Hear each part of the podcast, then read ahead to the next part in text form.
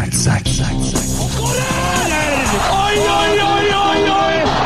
Vegard Heggen skårer! Og Rosenborg leder et nydelig angrep! Et nydelig angrep! I bakken og Vegard Heggen her. Se det synet! Se det vakre synet!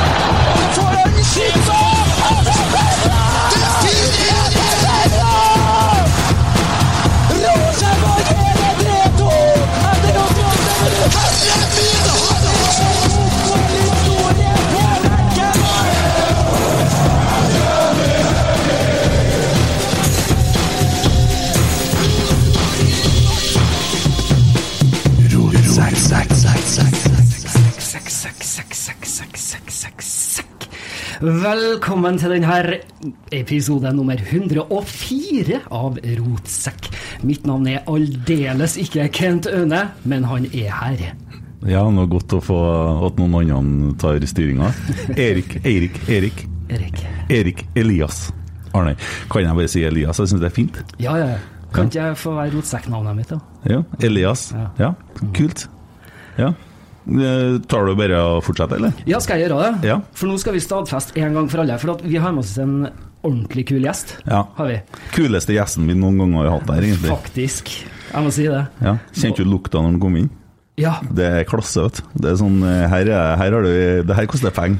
Ikke noe, ikke noe er overlatt til tilfeldighetene. nei, nei. Mine damer og herrer, vi har med oss Noah Holm. Og nå skal vi stadfeste en gang for alle hvordan uttales mellomnavnet. Nei, tusen takk for uh, den fine introen. Det er beste introen jeg har fått uh, så langt, i hvert fall. Så, og det mellomnavnet uttales uh, Sean. Sean. Jeg hadde så lyst til at det skulle være Jean, Gene, som i Michael Jackson. Noah Gene. Nei, den har, jeg, den har jeg fått før, men det fikk, navnet der fikk jeg fra fatter'n, og han er veldig klar på at du skal uttale Sean og skrives Gene. Ja. Veldig Men- bra. Men du har ett mellomnavn til?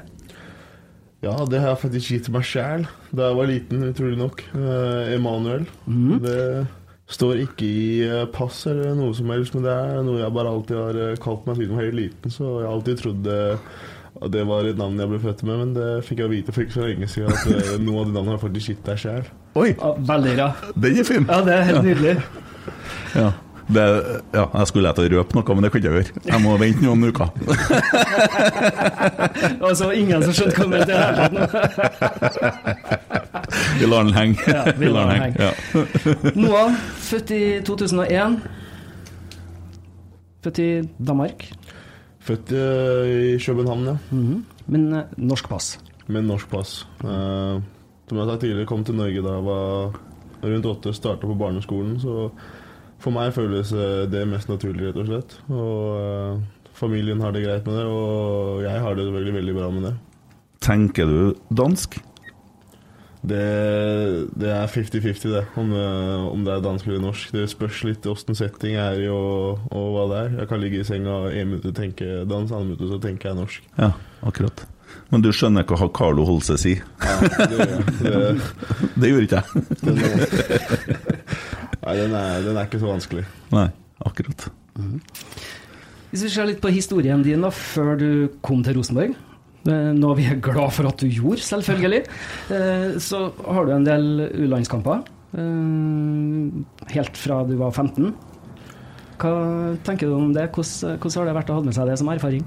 Nei, det, det er jo det tøffeste selvfølgelig du kan oppleve som 15-åring og fotballspiller i, i det landet her. Å få lov å komme ut og spille de første U-landskampene. Og du vet det er så mange andre som har lyst til det, så du setter utrolig, utrolig stor pris på det. Og eh, det er jo en erfaring du får med deg veldig tidlig som eh, gir deg veldig lyst på mer fremover. Og så er det jo utrolig tøft å poste bilder på Instagram og når du er 15 eh, med landslagsdrakta. Så det var, eh, det var utrolig gøy. Mm. Du har jo 46 kamper bak deg med, med flagget på brystet nå. Ok, det, det visste jeg ikke da så mange. Nei, sant? Jeg skal hjelpe deg å holde tellinga videre fremover. Altså. 46. Og det er tre kalde kamper igjen, så ja. Det er kult. Kan, jeg, kan jeg bare få spørre om det der vi fikk nyss i stav med en gang, og så skal vi få høre litt om for du, du er ikke sånn, Jeg har hørt litt at du er ikke så glad i å snakke om faren din og den sammenligninga der og sånne ting, så det, vi kan godt hoppe over bare det, og så gå rett på Åges sammenligning litt senere. Men eh, han som ikke er her nå, han eh, lodotten på håret Han som ikke går til frisøren din, han eh, fikk jeg høre noe om i stad. Edvard? Ja, Edvard. Det er en, eh, en veldig god venn av meg. En som jeg også da var spilte landslag med eh, veldig tidlig, og har kjent i veldig mange år. Vi eh, deler jo da rom sammen nå, når Ja. vi er på borteturer og treningsleirer og hva det skulle være med Rosenborg. og når han spiser ost på, på kvelden, så skjer det rare ting. Altså Første gangen eh, han gjorde det, så, så våkna jeg til at han bare lå og snakka, og tenkte ikke så mye over det. Og så har det da utvikla seg og blitt verre og verre og verre. Og så neste gangen så våkner jeg til at han sitter oppe i senga på knæra og ser opp i taket og er livredd. Ja, Nå snakker vi om Edvard Tagseth, for dem som ikke har skjønt det. Ja, så Så sa han at det satt en rotte i taket og var på vei å klat å klatre ned. Og så Seinest når vi er i Sarpsborg, nå her eh, lørdag til, til Nei, søndag til mandag natt var det, så våkner jeg til at uh, han reiser seg opp av senga og kryper ned på bakken og begynner å krype bortover. Og så Forklaringa hans var da at han skulle opp og skulle på do, Ja. men Men sekken hans som sto på bordet, hadde fått, fått en pistol. Så, så hvis han gikk forbi den, så ville han bli skutt. Så han måtte da ned på bakken Ned på bakken for å krype forbi for å ikke bli skutt. Uff. Ja. Hold osten unna den mannen. Ikke spis. Så hvis du er på samling og ser han spise ost, så kanskje jeg foreslår at han sover en annen plass. Han sier til meg på, i Sarpsborg at uh, nå, nå kommer til å skje noe skremmende. For nå satt han et helt ostebord i, i senga. Han kan jo ikke spise ost. Det her håper jeg folk hører på, på dagen i morgen, for han skal jo være sånn, eh, ha sånn Q&A på Rosenborg-sida i morgen. Eller ja, på noe YouTube til Rosenborg, så det, det er jo gull. Nei, det der var fint. Den er bra. Ja, eh, jeg liker at du styrer litt, eh, Elias. Syns du det er ok, det? Ja, det, vet du, jeg tror det er første gangen det skjer, så det er veldig behagelig. Veldig bra. Ja. Uh, ungdomstida, uh, spilt bl.a. Strømsgodset. Du har vært i Leipzig. Uh, fortell litt om den tida. Nei, Den godsetida vil jeg faktisk beskrive som kanskje den viktigste for at jeg da ble fotballspiller. Kom inn i et miljø rett etter at Martin Ødegaard har brutt gjennom, Iver Fossum og alle de gutta der. Så nesten etter godset har tatt gull, hvor, hvor det var stor entusiasme rundt eh, A-laget, og det var mange unge lokale spillere som akkurat hadde brydd gjennom, så alle oss på akademiet syntes det var det kuleste å prøve å gjenskape det de gjorde. Så vi la jo ned utallige timer og hadde aldri fridager eh, sammen. Vi møttes på fridagen vår og spilte possession liksom, og avslutningsøvelser, så det var Da var det mye mye ja, Det var veldig gøy å spille fotball på, på den tida, og man var fortsatt veldig ung. Og så resulterte det i å få lov å være med på landslagssamlinger, få første proffkontrakt da jeg var 15, og så steg ut videre til, til Tyskland, hvor eh, ja, som var en helt annen verden. Det var eh, Bodde på akademiet der sammen med 50 andre gutter fra utlandet. Og det var, alle hadde samme drømmen om å få lov å være med de helt store gutta. Og, så der var det veldig tøff konkurranse og en veldig hard skole som eh, jeg fikk inn tidlig. Og, og ja, fikk vært mye med A-laget uh, i veldig ung alder der. Hadde, hadde Ralf Rannik som henta meg og hadde veldig, veldig stor tro på meg uh, tidlig. Så det var en opplevelse jeg er veldig, veldig glad for. Og sitter med masse erfaring nå her i Rosenborg med- som jeg har tatt med derfra. Og så gikk jo turen videre til Portugal. Ja. Hvordan var det? Nei, det var Hvordan skal jeg forklare det? Det var en berg-og-dal-bane, rett og slett. Jeg kom dit som en veldig Ja, følte meg som en Hva skal jeg si? Veldig hot prospect, på en måte. Og at uh, alle hadde inntrykk om at jeg skulle være fremtida, fremtida der, faktisk. Og han sportssjefen som, uh, som henta meg på det tidspunktet, hadde jeg hadde steintråd på meg, og treneren som henta meg, Thiago Mendes, som har vært i Atletico Madrid eh, tidligere som spiller og Chelsea. Og han henta meg dit, og de hadde trua. Og så går det da tre seriekamper, så får han sparken. Og så kommer det inn en ny trener som eh, jeg også får en bra samtale med, og sier at eh, det kan hende det ikke er altfor mye spilletid nå, men vi har steintro på at fremover så kommer det til å bli mer. Og så får vel han sparken da òg. Og så ryker sportssjefen òg. Mm. og så ja, kommer det to, to nye trenere inn eh, den siste perioden av sesongen. Så vi hadde fire trenere. Og det var så Det ble så kaotisk at jeg følte at, uh, at her, må, her, må, jeg videre. For uh, her er det for uforutsigbart hva, hva som kan komme til å skje. Og Så kom du til Rosenborg, og så hvordan var trenersituasjonen her da? Ja, først da, Hvem var det som kontakta deg fra Rosenborg? Hvem var det du snakka med først? Nei, Jeg var på sommerferie hjemme i Skagen hos familien. Ja. Og så tror jeg var ute og spiste med noen kompiser, og så får jeg en melding fra fattern at uh, Åge hadde ringt. Og Rosenborg har jo vært på, på litt tidligere òg i uh, karrieren min, hvor jeg, jeg, følte det ikke helt var tidspunktet. Og, men da jeg fikk de melding fra pappa, så føltes det, føltes det veldig rett. da. Mm. Uh, med tanke på åssen situasjonen jeg var i nå, og ville ut og spille. Og ja, at det var, slett bare var Rosenborg som, uh, som hadde ringt, syns jeg var, var, utrolig kult. Så det sa jeg bare med en gang til fatter'n at uh, jeg tror ikke vi snakker ordentlig om det. Det her, det her må vi få løst. Det her har jeg skikkelig lyst til. Mm. Kult. Ja, hvordan var den overgangen å komme til Trøndelag og ja Eh, når var det du kom igjen? Det var sommeren i fjor. Det var, det sommeren, ja. Uh, ja. Kom og på, fikk lov å bo i uh, leiligheten til Koteng, så det var vel fint, det. Og, ja.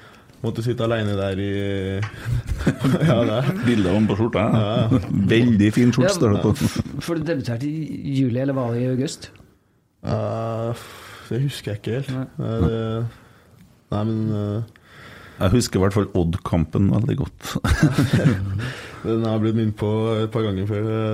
Det er mange som, som minner meg på den hvis jeg går forbi på gata eller noe sånt. Mm. Men hvordan er det å være da i Rosenborg i fjor med det trøkket som blir etter hvert, og misnøye rundt og litt sånne ting? Da jeg kom, så var vi jo fortsatt litt bak eh, Bodø og de, men så begynte vi å, og kommer nærmere og nærmere, så blir det òg lite trøkk om at her kan det bli, bli seriegull. da. Mm. Og, og, så plutselig, på et sekund, nesten i den Kristiansund-kampen, så var alt borte, føltes det. Mm. Og jeg ville ha sagt 16 sekunder. Men... 16, 16 sekunder, og så, og så Ja, da ble det jo litt sånn uh, styr rundt uh, hva som skal skje videre og, og alt det, men uh, ja, det var Vi prøvde å holde trøkket oppe og komme oss så høyt som mulig, men det, det ville seg ikke helt. Og vi hadde lite spillere til triangel, og mange måtte ut i litt uh, forskjellige posisjoner. Jeg husker uh, mot Molde, hvor vi hadde en venstre side med Carlo Holse på venstrebekk og Noah Holm på venstrekant. Så ja, ja. Nei, det var, ikke, det var, ikke, helt optimalt, nei, men uh, det var godt å få, få, så mange kontinuerlige kamper for min del. Uh, for, for, et A-lag og få bli skikkelig varm i trøya eh, mot eh, neste sesong. Mm.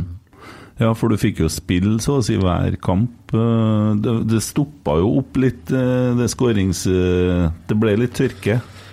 Ja, det ble, det ble måltørke, men jeg føler fortsatt at folk gjorde det verre enn til hva det egentlig var. For jeg følte fortsatt at jeg spilte, spilte en del gode kamper uten å skåre. Men mm.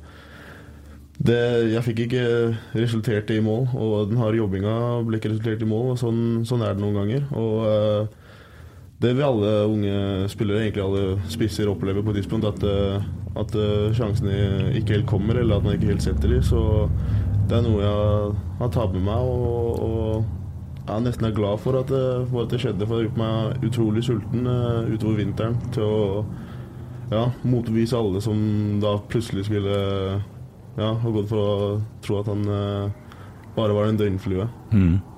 Ja, og så blir det et trenerskifte, og så kommer Kjetil og Geir. Mm -hmm. eh, hvordan endrer treningshverdagen seg da?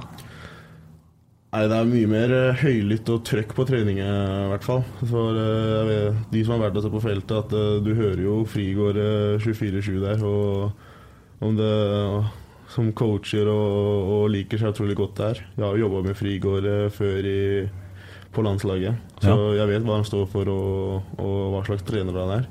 Og jeg var skikkelig glad da jeg så at det ble, det ble Rekdal, for han er en utrolig ja, stor karakter. da Og jeg føler Rosenborg skal ha en stor karakter som trener i den perioden vi er i nå. Og ja, han jo, hviler, jo, hviler, jo, så mye i seg sjæl at det, det, gir jo selvtillit til, til, til hele gjengen. Mm. Så han er, han er utrolig glad for at vi har, vi har, fått inn. Og det begynner å se at man kan se at det, Nå kan man se at vi er et lag. Og du ser andre gangen med Sarpsborg at det begynner å se at vi kan faktisk spille med ballen nå. Det kommer seg. Mm. Så jeg er veldig spent på veien videre nå. Mm. Om du har truffet på den siste der, på det legget fra Adrian? Steike. Ja, den, oh. den, kom, eh, den, kom, nesten for bra, den fra, fra Adrian. For eh, jeg kom, i, kom da òg i for høy fart. Var egentlig på vei inn, i, inn mellom eh, keeper og og stopperne. Mm. Og så ser jeg at den kommer så perfekt, så jeg må brekke av løpet og får ikke helt uh, Ja, fått stilt kroppen sånn at jeg kunne få avslutta på mål. Det, jeg har sett den ettertid bli nesten vært bedre å hoppe over den og Hoff som kommer i full fart der. Mm. Ja, det, også, det, så jeg jo faktisk òg, at det var en bak deg, men det er jo ikke så lett å orientere seg om det i det farta. Nei, Det er mulig når eh, med en gang man kommer rundt boksen, så hører man bare alle begynner å rope og skrike, og fans og, og så, ja. Så Hoff ropte jo for uh, lungene fulle, men uh, jeg hadde ikke sjanse til, til, å høre den. Nei. Men jeg, jeg syns ikke jeg ser du har tapt en duell ennå i år. Når, når, det kommer lange baller, så tar du jo alle i lufta. Ja, det, det, er sånn jeg har vært i hele ungdoms- og karrieren. Jeg har på mye beste. Og uh, ja, det, vi har slått mye langt uh, nå her i starten. Og, og, jeg har fått litt sånn mentalitet at uh, når den lange banen kommer, så skal det stå noe på den. For mm. jeg føler det, det, gir laget utrolig mye at ikke hver gang man så langt, at den da kommer rett ned i huet på, på forsvaret vårt igjen. At man da kan ja, enten forlenge den og så presse høyt derfra, eller at Sånn som det skjedde et par ganger i Sarpsborg-kampen, at jeg får stussa videre til f.eks. Stefano, som da tar det med videre. Mm. Ja, og målet du skårer Nei, jo, uh, nei, det er tilbake til Da er vi tilbake til Odd, ja. Der starter du angrepet sjøl. Ja, det, det, er en lang ball, det òg, som jeg får, som jeg får hedda, hedda, videre. Og så ja, bare holde meg, holde meg i, i, situasjonen. Og Reitan slår et uh, fantastisk innlegg i, i, steget mitt, og så får jeg ikke beste, det beste treffet, men uh, den går i mål. Så mm. det var utrolig deilig å få å få starta og skåre igjen på, på Lerkendal. Det, er, det, var en utrolig følelse. Ja. Det var ikke bare du som fikk en utrolig følelse av det, det tror jeg ganske mange tusen kan skrive under på. Ja, ja du er en av de eldste på laget snart.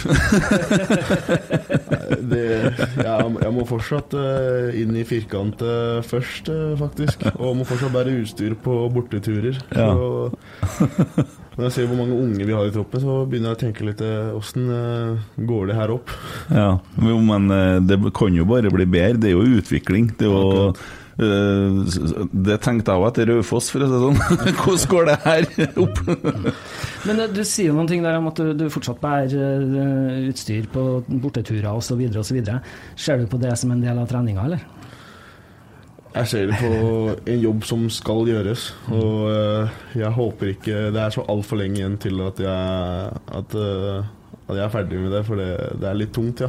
Mm. Men uh, det er noe som skal gjøres. De fem yngste på hver tur skal hjelpe til med utstyr. Eller for, det er altfor mye utstyr for at Kopperud, som da gjør så mye annet, skal, skal klare det aleine. Så tar det tar det mye mindre tid hvis vi hjelper til. Og så har Skjelbre, faktisk, som er eldstemann i troppen, begynt å bære òg. Han ja. uh, stiller seg til rådighet. Så det er fint å få en ekstra mann inn i bæreteamet. Ja. Men du begynner altså å tenke at kanskje vi skal ta ut røsten og nypene og til kamptropp, så du slipper å bære. Eh, og så var det litt snakk om eh, fett og muskler her, eh, så jeg i media. Og var litt eh, tyngre i kroppen kanskje i januar enn hva du er nå? Ja, det var jeg. Eh, det jeg egentlig hadde med meg ganske lenge, at jeg kanskje har dreid på litt et par ekstra kilo. Og så får jeg en veldig klar beskjed fra, fra Kjetil og Geir at uh, her må det skje endring hvis du skal være spiss uh, for Rosenborg. Og uh, de, har, de sa de hadde kjempetrua på meg, men jeg må vise meg tilliten verdig. Og vise at jeg kan, kan gjøre den endringa. Og det var noe jeg tok Det var noe jeg egentlig alltid har hatt lyst til, men har ikke helt ja, vite hvor jeg sånn ordentlig skal få hjelp til det. Og Ja. få satt opp et ordentlig, en ordentlig plan for en lengre periode. Som jeg kan leve fra dag til dag. Har du gjort det da med kosthold eller med trening, da? Med, med kosthold og, og trening Ja. har, jeg fulgt og følger en veldig, veldig streng plan for at eh, ja, for at jeg skal kunne ute maks. Og jeg, man kjenner jo forskjell med en gang. Eh, det er, alt er skreddersydd akkurat til hva jeg trenger, og ut ifra mine mål. Så det er noe jeg har jobba med gjennom vinteren, og, og det har skjedd en stor for, forandring, ja. ja. Hvordan syns du kroppen responderer på det? Nei, det er jo det Hvis man skal ned i, eh, ned i fett og opp i, opp i muskler, så skal man ligge veldig eh, Hva heter det i eh, underskudd med tanke på karbohydrater og og Kalorier, sånn. ja. Kalorier, ja. Ja.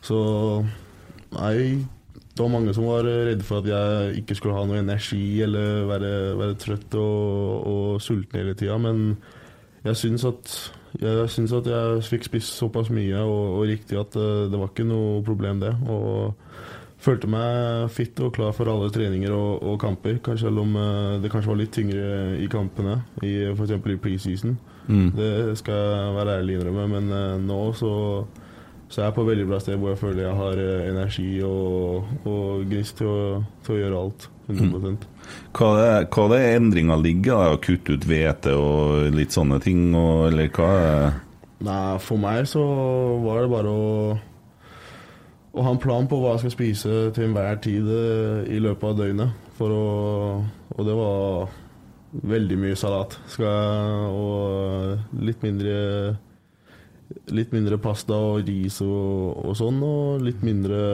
proteiner og, og det der. Så det Mm. var stort sett mye salat, ja. Ok. Og så trener dere relativt hardt i tillegg. Ja. Ja. Jeg hadde en uh, veldig bra løsning at jeg da fikk i meg nok karbohydrater før trening til at jeg skulle ha energi. Og en halvtime etter trening var det viktig at jeg hadde med meg skiver eller noe sånt og fikk inn, eh, fikk inn mye, mye karbohydrater der òg. Og fikk, eh, og fikk drukket veldig mye mange mengder liter vann for å Ja, det har vi sett litt om på innsiden. Før det går med de koppene, hvordan har det blitt noen bøter, eller?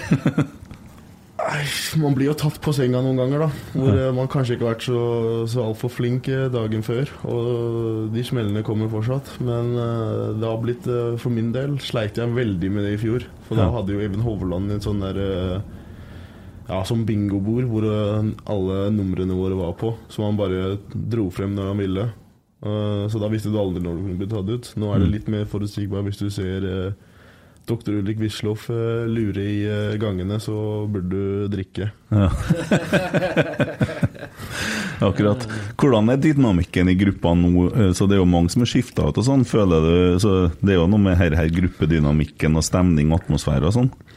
Nei, den er veldig fin. Jeg føler vi er eh, blitt mye mer et lag enn vi var i fjor. Det er mye mer uh, lagfølelsen du har eh, på alt vi gjør. Og, når vi går ut og trener og, og, og på kamper, så føler du en eh, slags energi i gruppa som, eh, som er rar å forklare, men du føler den gnisten og at, eh, og at alle er sammen om det her. Og Det er en utrolig deilig følelse å ha. Og da har du lyst til å løpe litt ekstra og, ta opp kampen for, for sidemannen. Mm.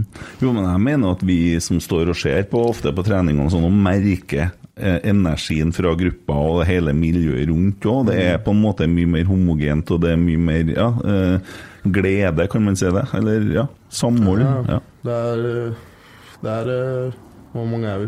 rundt 25 gutter som er glad i hverandre. Og, så det er, en, eh, det er utrolig kjekt å være Rosenborg-spiller for dagen og komme på jobb. Og jeg syns man, får- eh, man får masse god energi av det. Og være med gutta i garderoben og snakke litt piss og, videre. Mm. Ja, det er som du sier, Kent, det, det, det, det utstråler jo noe fra gruppa i år som vi ikke så like godt i fjor. Ja, eller året før, Ja. vel å merke. Det har jo vært litt, eh, det har jo vært litt misnøye, og det har jo vært litt eh, ja, forskjellig. Så, men det ser ut som at det holder på å bygges noe som kan bli stort. da. Det gjør det. Ja, det, det er vi alle sammen enige i at det her eh, er bare starten. Og vi skal ut på en lengre tidsreise med, med, med, det, med det laget her. Så ja, det, det kommer til å bli utrolig bra, og det er vi alle sammen eh, sikre på. Mm. Dæven, hvor godt det er å høre deg si det! Ja. Og da får jeg til å tenke på det som du har notert i boka di om det som sto i avisa her for en stund siden. Ja, for det sto jo noe i avisa her med noen spekulasjoner, og Adresseavisen erfarer osv., osv., at det har kommet bud på deg. Eh, eh, kommentar? Jeg kan, kan jeg si litt om det. Det var ja, egentlig her i vinter når jeg var hjemme igjen, da, så, så er det jo alltid noen som, som ringer, og lag som trenger forsterkninger og, og sånn eh, i vinter. eh, overgangsvinduet. Så da var det noen klubber som var veldig keen på, på å se om de kunne få, få meg ut av Rosenborg, da. Men eh, tidspunktet for min del, som jeg har sagt, var, var det, var, det stemte ikke med at eh, jeg akkurat har kommet og fått litt kontinuitet i karrieren min. Og jeg er fortsatt bare 20 år gammel og ja, har veldig lyst til å gjøre noe av meg her i, her i Trøndelag. Så det var altfor tidlig for, eh, for meg. Mm. Kan du si noe om hvilke klubber det var som var på utkikk, da? Hvor stor klubb, liksom? Nei, det Men eh, ja, det, det er klubber som har vært i Champions League eh, ofte, og minst Europaliga hvert år, så Ja. Ja, det var eh, en bra størrelse på klubben, ja. Ja, sånn at lønningsposen hadde kunnet blitt eh, større. Det vil jeg ikke kommentere. Men eh, så det, det var jo kommet inn et spørsmål på, på Twitter, Kent, om det der med, med Kan du love oss at du blir i Rosenborg lenge nok til å spille en sesong med Champions League før du blir solgt til en eller annen annen klubb for 500 millioner? Da skal vi, da, da skal vi ta opp hanskene. Og nei, det er jo det, det er alle i garderoben eh, Du kommer jo inn, og i garderoben så ser du Champions League-deltaker, eh, Champions League eh, og hva, hva det ikke skulle være. Så det er jo noe De står jo i veggene her, og det er noe alle har lyst til, selvfølgelig. Men uh, veien for et norsk lag i Champions League er uh, utrolig lang nå. Men jeg føler at du har jo sett Bodø og Molde har vært veldig nære de siste par åra, og jeg føler at uh, det er ikke så langt som, som man skal ha det til. Og ja, hvis du får et bra lag og, og ting sitter, så, så skal du ikke se bort fra at uh, for Rosenborg kan spille Champions League igjen i fremtida. Ja, og hvis det fortsetter det som er i ferd med å skje nå, så vokser jo interessen for norsk fotball. fordi at eh, de prisene ut den engelske fotballen, pluss alle de oljegreier osv., osv. Og noen norske lag har ikke gjort det relativt bra i Europa, som gjør at det kanskje blir mulighet for to lag i 2024. Er det lest, eller er jeg fjern nå? Jeg er usikker. Ja. Men det kan, muligheten kan jo bli større eh, når lag gjør det bedre, uten at jeg orker å gå inn på det laget. Hæ? Hva snakker Det du om? begynner å bli så mye av de der eh, gule greiene der. Det, vi er jo mye på Twitter, og der er det ja, nei, jeg står for det jeg har sagt. De er som en utedigger som har vunnet Eurojackpot og eh, vet ikke hvordan de skal håndtere det. Suksessen. Løpegutt spør på Twitter, du må ta med, begynne å ta inn noen spørsmål. Hva som fikk deg til å tatovere deg, og skal du ha mer? Den er fin. Uh, nei, fattern hadde jo tatoveringer, da. Og jeg syns det var utrolig kult. Og har alltid syntes det er kult om man kan ja, gjøre hva man vil med, med kroppen og få tatovert det, det man tenker på. Og det Ja, jeg syns jeg kler det, og, og kommer sikkert til å få mer. Og hatt en, en, liten pause nå, men uh, jeg har alltid bare syntes det har vært utrolig kult, og det er egentlig derfor jeg begynte med det. Mm. Har, det noe, har det betydning, alt Nei, det har ikke noe spesiell betydning. Det er mye kristendom med jomfru Maria og Poseidon her, som uh, Ja. er en løve. Uh, Moses. Ja. Uh, her har vi egentlig min yndlings med Jesus og noen trapper opp til, til himmelen, oppå på skulderen. ja. Det lukter litt sånn katolikkisj, eh, eller? Ja, litt sånn. Så har vi litt uh, tegneserie her nede. Der har jeg en kul en. Jeg har blitt velsigna av paven. Har du det? Ja, fakta. I 1989 så ble jeg velsigna av paven i Nidarosdomen. Det er ikke alle som har opplevd. Jeg var lysbærer. Jeg gikk i sjetteklassen. Men eh, det er kult. Eh, ja, litt om tatoveringer. Og så tror jeg Navnet har forsvunnet, det er sikkert Jonas. Eh, hvem er høyest av deg og Renzo? På rbk.no er Renzo oppført to centimeter høyere, men på treningsvideoen så ser det motsatt ut. Jeg tror han er litt høyere enn meg. Ja. Det, jeg, får, jeg får det ofte at eh, jeg ser større ut på TV enn hva, hva jeg egentlig er. Og Ja. jeg Spiller kanskje også litt større enn hva jeg egentlig er. Jeg er bare 1,86 på, Mm. eh, på alle mål som jeg har vært med. Eh, Ennå så hopper det høyere enn alle. ja, det, jeg tar for meg i hvert fall. Ja, kult. Uh, Seidinho tar med det som er Hvordan føles det å være den beste spissen i Eliteserien? Oi, den uh, Det er jo sånn jeg ser på meg sjæl. Det Ja. føler jeg at man må for å, for å kunne gå ut og dominere. Så må du se på deg sjæl som eh, den aller beste. Og Mm. som jeg har sagt til Ole Sæter òg, at eh, sånn som han har sagt i media, det syns jeg er helt greit at han, eh, at han tenker om seg sjæl. For det gir, synes jeg gir et lille ekstra push. Og når jeg står på banen rett før kickoff, så pleier jeg å si nå du er et beist til, til deg sjæl når jeg går, eh, og, går litt rundt. Og jeg føler at uh, man skal ha den eh, tiltroen til seg sjæl, at man, eh, at man eh, ja, skal si at man er eh, den beste Eliteserien, for da blir man det, føler jeg. Mm. Er det mye sånn uh, skitsnakk med, forsvarsspillerne, og får du, er det mye ranting og sånn, da? Ja, jeg, jeg liker å, å, å snakke litt med dem, kanskje prøve å komme litt, komme litt under huden på dem. Og jeg vet at uh, hvis jeg spiller sånn som jeg har gjort i tre, tre første serierundene, så, så er jeg allerede under huden på dem. For uh, når de skjønner at, uh, ja, at de ikke kan vinne noen dueller eller bryte noen pasninger foran, så er det en lang dag på kontoret for dem. Så, så liker jeg å komme med en liten eh, kommentar til dem. Mm. Hva kan det være, da?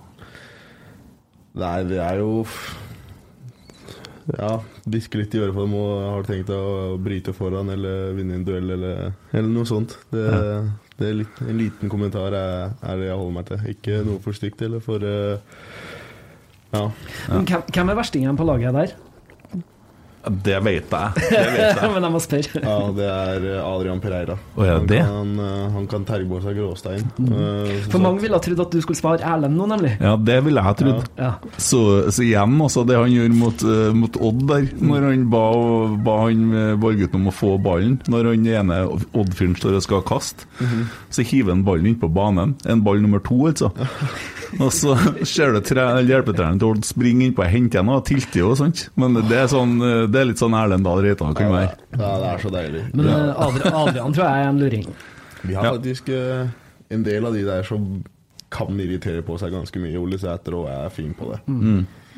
Ja, det er bra. Snak, snakketøyet i orden. Men det ser jo sånn som Ulrik Saltnes, da, som sier heia fotball, at han blir prega av det. Han lar seg snakke ned. Så han eh, må nesten ha psykologhjelp, han. Så han, det oppfordrer jo alle lag i Eliteserien til å ta han, praten ned.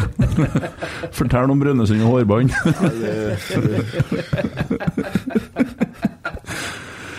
Dalhaug spør noe om feiring her. Hvorfor lage en pistol med hendene når han scorer? Er han i gang Er han med i noen form for gjeng?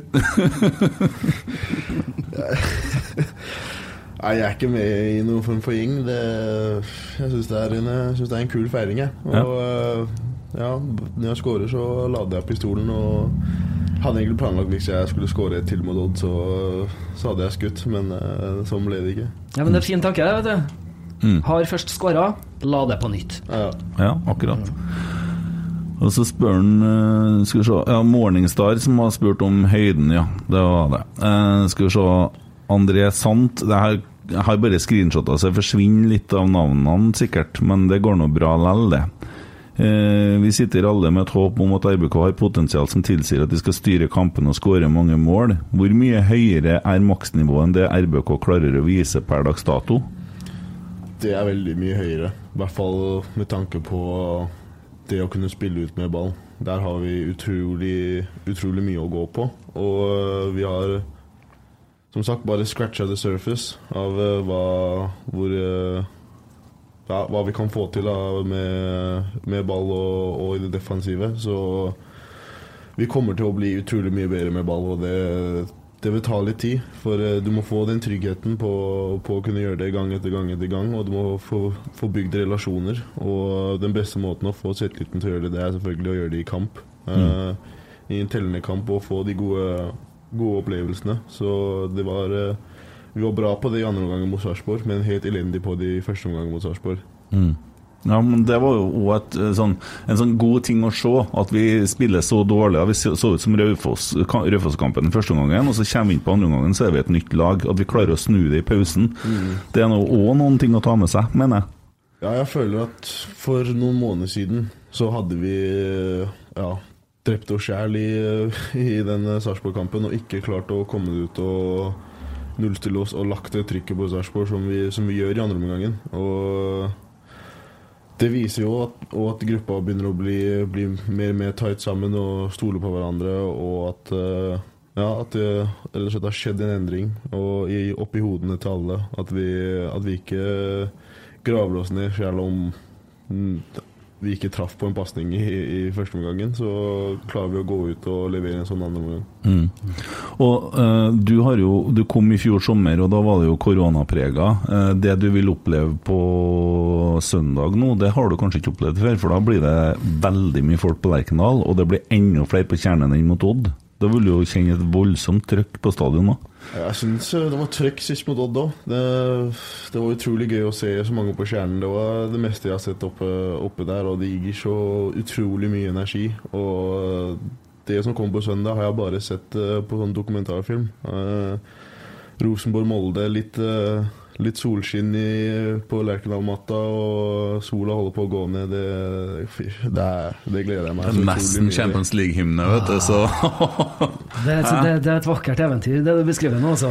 Det, herregud, hvor jeg gleder meg. Og de som ikke har invitert med seg en venn eller eh, kjøpt seg billett ennå, Ja. få fingeren ut. Ja, for det er lov for sesongkortfolk får en billett til venn for 100 kroner, eller så mange de vil. Hvordan var det? Eh, Det var vel noe vennepris. Ja. Ta med, ta med venner og folk som kanskje aldri har vært der før, vis dem hva Lerkendal er. Og kjernen der ble fullt opp, det er jeg sikker på. Det er solgt så mye billetter oppe her allerede. Det kommer til å bli steinkult! Ja. Jeg gleder meg som en, som en liten unge. Og egentlig prøve å, prøve å holde litt igjen, så jeg ikke går på røde kort. eh, Ja. ja, for det var nært mot Odd. Mot uh, Bodø. Det var mot Bodø, det, ja. ja, ja. Nei, det Jeg vil ikke si jeg var overtent, det var bare at jeg prøver å komme inn og vinne en ball uh, som hvor Høybråten takler, og jeg tror han kommer til å bli stående på beina. Mm. Så jeg enda opp med en glidtakling, og så ja, trakker jeg på den, og så har jeg terga på meg hele Aspmyra. Sitter, sitter hele nordlendinggruppa der og prøver å få meg til å bli utvist. Og heldigvis hadde, hadde vi en dommer som eh, hadde litt common sense. Eh, Så Hele Aspmyra er jo ikke så mange. det sant. Det er jo ikke mange. Uh, skal vi se uh, Ja. eh, så spør han om Rosenborg kommer til å være i stand til å dominere kamper. Ja, det har vi jo fått svaret på. William Skjølberg spør Hater du Molde? Tar en stor sup vann. det gjør jeg etter kampen i fjor. Ja. Så har jeg noe jeg skal ha revansjert for, for det resultatet der, syns jeg var, var flaut, rett og slett. Når vi trapp topp 3-2 hjemme, eller er, det, er vi borte? Borte. Borte, ja. Hvordan gikk det? fire, fire eller tre, noe sånt. Ok, ok. Jeg har fortrengt det. Eh, Ja. Jeg tror kanskje det var oppe i fire. Ja. Ja. Ja, den bussturen hjem, den var, eh, den var seig. Ja. Og Nei, Det er bare noe med det. Det er så lite folk på stadion eh, der. Og du hører jo bare kjernen på Aker stadion eh, da vi spilte der i fjor. Så eh, nei, det Det er en klubb jeg har lært meg å ikke ha noe til overs for, i hvert fall. Mm. Ja, og de har jo gjort så mye rart opp igjennom, og alt fra spillene i tunnelen der folk går inn til kamp og ransaking, og det har vært så mye greier, og de kjøper sesongkort og gir bort til folk som ikke er på stadion, og de, det står at det er fullt, liksom, og så er det ingen. Det er så mye rart der. Mye penger tjener de òg for at de får dem. Ja, sant. Ja. Jeg har lyst til å spole bitte litt tilbake. For at Noah han sa noen ting i sted om trenernes forventninger til han. Mm.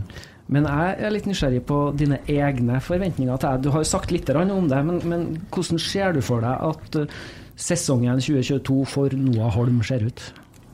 Nei, det er jo at jeg skal være den mest dominerende spilleren på banen hver gang jeg spiller.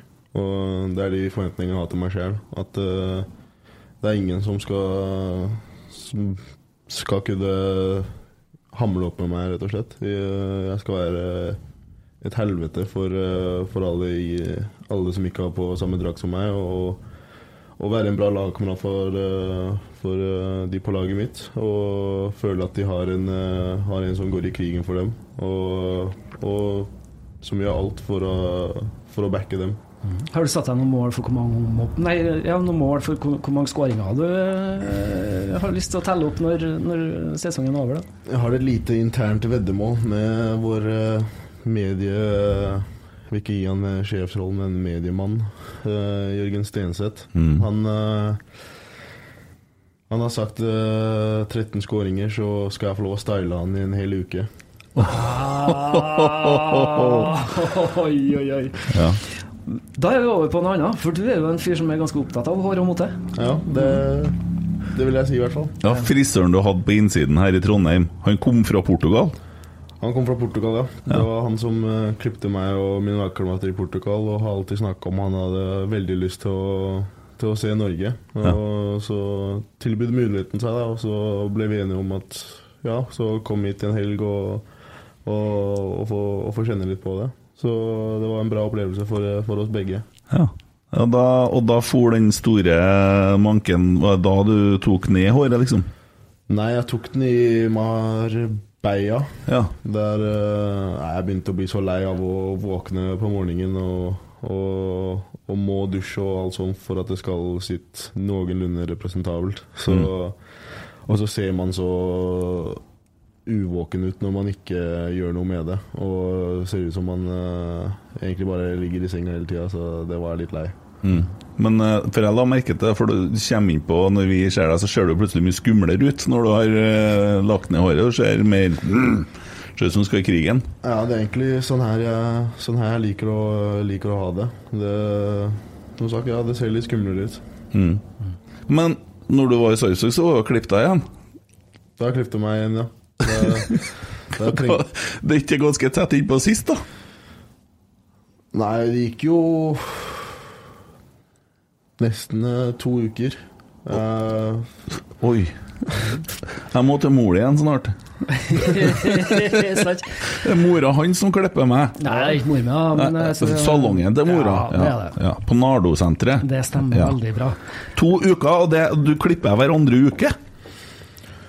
Ja, når du har sånn eh, Når du har sånn eh, kort hår og sånn som jeg har, som, eh, og du har fade, så går det veldig fort bort. Og så blir det bare siden ens ut overalt. Og så har jeg et, en liten bart som må stusses ofte òg, for at ellers så ser det ut som en tenåring som eh, akkurat begynte å, begynt å få litt hår der. Men for å opprettholde det at folk tror at jeg ikke har hår, så må jeg jo klippe meg minimum hver andre uke, jeg òg. Med barberhøvel, eller? Hva, bruker du maskin, eller hva du gjør for noe? Maskin. Kjører bare Kjører Ja. hardt, kjører stil. ja. Nei, men det funker, det. Det gjør det. Ja. ja, Det var jo voldsomt. Men har du egen frisør i byen, eller? I Trondheim har jeg faktisk ikke. Det har vært hos eh, litt forskjellige. Ja, jeg vet en Bentner gikk til en Igor på Hva heter det? Han eh, flytter inn hos en ny frisør eh, nå, Å ja. gjør han. Ja. Og eh, skal jeg oute det, jeg nå? Ja, ja. Ja. Fordi at han åpner egen avdeling på Boks frisør i Adresseavisen-huset. Han Igor? Ja. Oh, ja. Og, og åpner en egen avdeling der til Ellen Støen, ja. Som skal hete Barberbox. Barberboks.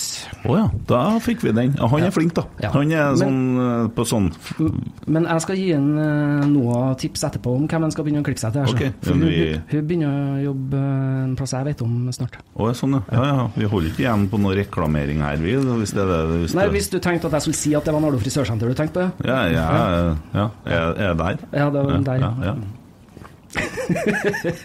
Det høres ikke så sexy ut med Nardo frisørsenter i forhold til sånn Barber and Sounds og sånn. Tenker jeg på guttene som kjører litt style her, da. Ja. Så jo du la ut noe Instagram-bilde i dag, og det, det er litt fashion nå, litt sant? Du er flink på Instagram? Ja, jeg er flink på, flink på Instagram, ja. Det har eh, noen som hjelper meg med det. Så jeg ikke skal bruke eh, så mye energi på det sjøl. Så det går egentlig eh, sånn som Det går egentlig rett ut. For Det, eh, det er litt av influenserspiret i det. Ja, kanskje det. Jeg, nei, jeg liker å Altså, man viser jo bare sin beste side på, på Instagram og sånn, selvfølgelig, så man får litt et annet bilde av hva, hva det egentlig er. Men eh, det er eh, Prøver å få det til å se så bra ut som mulig, da. Skjønner. Dæven, eh, kanskje vi skal begynne å få noen til å ta Instagram for oss? Det tror jeg kunne ha hjulpet på. Jeg er finere på lyd enn bilde, syns jeg sjøl, så jeg har ikke satt, så hardt på Instagram. Stein lurer på om du spiller på topp med Braut i EM 2024? Ja, det er målet. Å å komme, komme seg opp dit og skape en uh, farlig duo med, med Brauten. Den, uh, den kunne blitt skummel om, eh, om et par år, ja. Mm. Den blir det. Den blir det, ja. Mm. Markus Rørvik, hva eter han til frokost? Til frokost spiser jeg havregrøt med, med bær. Ja. Det, jeg er ikke så stor eh, frokostperson, egentlig. Jeg ja, bare, spiser bare det, det enkelt og, og får nok energi til å kunne gå ut og trene. Og Ja. en kaffekopp. Når starter arbeidsdagen din en vanlig Sånn som i morgen? I morgen og så har vi frokost eh, ni sammen. Og så jeg som bor såpass nærme, kan, eh, kan eh, gå Vi må inn og skifte vet, før, vi, før vi spiser frokost. Det er en ny regel som har kommet i år, så alle spiser i treningstøyet. Ja. Uh, så går hjemmefra 8.30 og uh, ja, kommer inn, skifter, møter på gutta. Rusler bort og får, seg, får, seg, får i seg noe næring. Så er det tilbake til garderoben, og så har vi, har vi litt dødtid frem til møte eller trening, hvor vi Ja, noen spiller kort, noen uh, snakker piss, noen får litt behandling, og, og så har vi prep og, prep og sånn, og så går vi ut og Går vi ut og trener etter, etter Kjetil har fått, fått sagt sitt, eller hvem enn eh, det skulle være. Går vi ut og trener, og så spørs det litt på dagen om vi har eh, styrke etter, eller, eh, eller, eller hva det er. Eller om det er noe medieoppdrag eller noe sånt. Men egentlig Ja, så vi, etter trening så er det vel å dusje om og, og kle om og gå bort og spise, og så er egentlig dagen eh, ferdig rundt eh, tolvtida, sånn sett. Så er man fri til å gjøre hva man vil. Mm. Uh, og jeg har blitt fortalt at i fjor så var det ikke så veldig mange forskjellige øvelser på treningsfeltet. I år er det noen og 60 eller noe sånt. I år er det veldig stor variasjon. Vi har eh, ja, veldig forskjellige dager hvor du kjenner målet for dagen. Om det er hurtighet, om det er konkurranse, om det er eh, Ja, så det syns jeg er veldig ja, veldig gøy å komme og vite at det er et tema for dagen. Mm. Og i presisen nå så var det sånn, sånn som i dag, nå så har dere fri. Du er her på fridagen din, du. Ja, ja. I morgen så trenes det på gress fordi at det er gress til helga, og så er det sikkert en rolig økt øh, på Skal vi se, i morgen er det torsdag. Rolig på fredag og lørdag, kanskje, og så er kamp på søndag. Mens i presisen så var det steinhardt hver eneste dag. Ingen fri. Peisa på. Ja, sånn skal det være det hvis man eh, skal i form. Og eh, nå tror jeg vi alle sammen er utrolig glad for det. Men det var jo et kjør i eh, de første ukene. Og hvis du og hvis du kom inn litt overvektig, så skulle du 45 inn på sykkelen nå, før frokosten. Så der var vi noen gutter som eh, Som hadde det ekstra òg. Pluss utrolig hard trening på feltet, pluss styrke og alt det etter. Så det var noen eh, lange, tøffe, tøffe dager, det. Og samme om det er kamp dagen etterpå, så er det like hardt lell. Det var det, siden alle skal jo bare spille 45 min, så kampene var jo nesten eh, Var jo nesten enklere enn eh, treningsøktene. Ja. Det forklarer jo litt av resultatene, mener jeg. For det var jo ikke noe restitusjon før kamp eller noen sånne ting, som det er nå. Nei, ikke i det hele tatt. Da var det, da var det et kjør, eh, kjør hele tida og harde løpeøkter. Og oss som eh, er litt større, å se på Nedvard Hagseth som freser bortover eh, over matta etter en økt når vi har løpetrening, er det utrolig frustrerende å se på. Ja. ja, han ser ut som han holder på å finne en bra form, ja. Eh, noe må Enorm kapasitet. Ja. Jo, men lell så tenker jeg at etter hvert som vi får formasjon og de tingene til å sitte, så må man kanskje ikke springe så mye som man gjør nå, for man springer kanskje fortsatt litt unødig, tenker jeg da. Uh, og så tenkte jeg det når jeg så jeg skrev det på Twitter òg. Hva skal vi med Kristian Eriksen når vi har Olav Skarsheim? Dæven, hvor han jobba på søndagen? Nei, mandagen. Jeg, syns Olaus har eh, vært klasse de to eh, kampene han har spilt nå. Det, er- det er så deilig å se. For han har hatt litt trøbbel i preseason, og vi alle sammen visste at han har noe som vi ikke har i troppen. Det driver hans med ballen. eh, At vi har en sånn inn på midtbanen som kan drive ballen gjennom ledd og, og, og har en motor til å kunne løpe sola svart. eh. Det er utrolig deilig, og all kreditt til han, for han, eh, han har virkelig fortjent det. Sto, sto hardt i det i fjor og har virkelig, virkelig tatt steget her i, i vinter. Ja. ja, det ser virkelig bra ut. Andreas spør hvem blir årets toppskårer i Eliteserien? Jeg må, må si meg sjøl. Det, det skal være lov. Og hvorfor blir det Noah Holm, skriver han. Så sier en Einar RBK si til Noah at jeg elsker han. Og så er Arne da med det uunngåelige spørsmålet, og det her er ikke sikkert du skjønner noe av, men han spør Inderøy-sodd eller Innherred-sodd? Jeg tror du kunne spurt eh, alle som eh, kommer fra Drammen om eh, det spørsmålet, og ingen ville ha noe, noe som helst svar. Har du noen gang spist sodd? Det gir meg, gir meg ingenting. Nei, helt enig. Det er noen som er veldig opptatt av sodd, eh, som stiller det spørsmålet hver gang, og det har blitt en greie. Og sodd har, det har begynt å dukke opp mye på Twitter, og det har blitt eh, folk begynt å tagge rotsekk når de må kjøpe seg sodd, og de har begynt å sende snap at de et sodd, og Glimt av verden sa at de skulle spise sodd ei uke hvis ikke de slo Rosenborg, og det endte med at han spiste sodd ei uke, osv. Så, videre. så det har blitt uh, mye sodd, da. Vi vurderte å skifte navn til Soddkast. Uh, og så er det et ting jeg ikke skjønner noe av fra Jan, Jan Are. Favorittkarakter og fight i Na, Naruto. Naruto, det er det jeg har tato- tatovert her. Ja, hva er det for noe? Det er en uh, slags anime, hvis du vet hva det er. En sånn eh, Ja, tegneserie for voksen, vil jeg si. Eh, litt mer eh, dramatisk enn hva det vil være for barn. eh, som jeg er veldig glad i. Mhm. Og favorittkarakteren er det må være en som heter Shikamaru.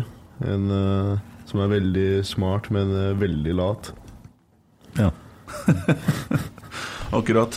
Eh, hva gjør du sånn som når du, du er i Trondheim, det er fridager og sånn? Hva har du gjort i dag, f.eks.?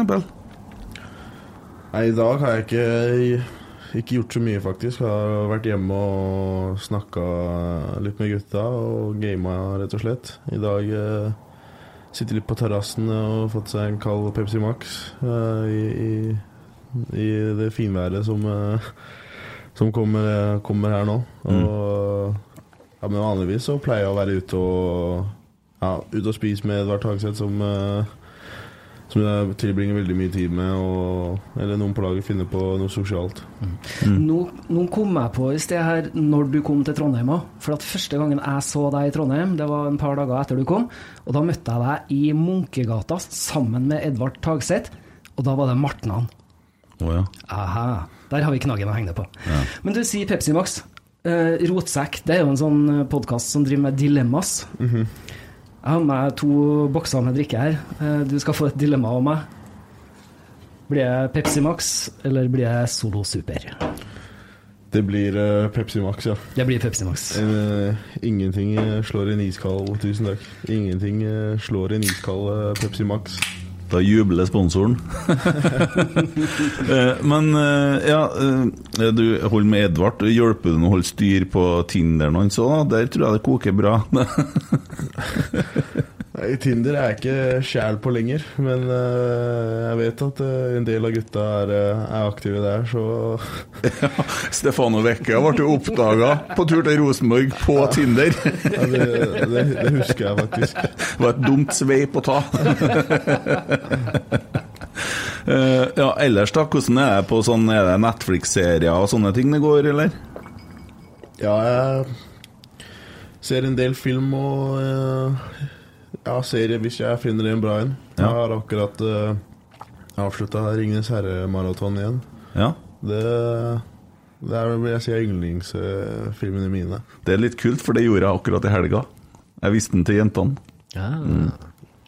Ja, 'Ringenes herre' anbefalt der, altså. Ellers da, sånn serier, da? Hva er Nå Hvis du har sett uh, Top Boy på Netflix om eh, gangstere og sånn i, eh, i England, den, mm. den har jeg sett nå.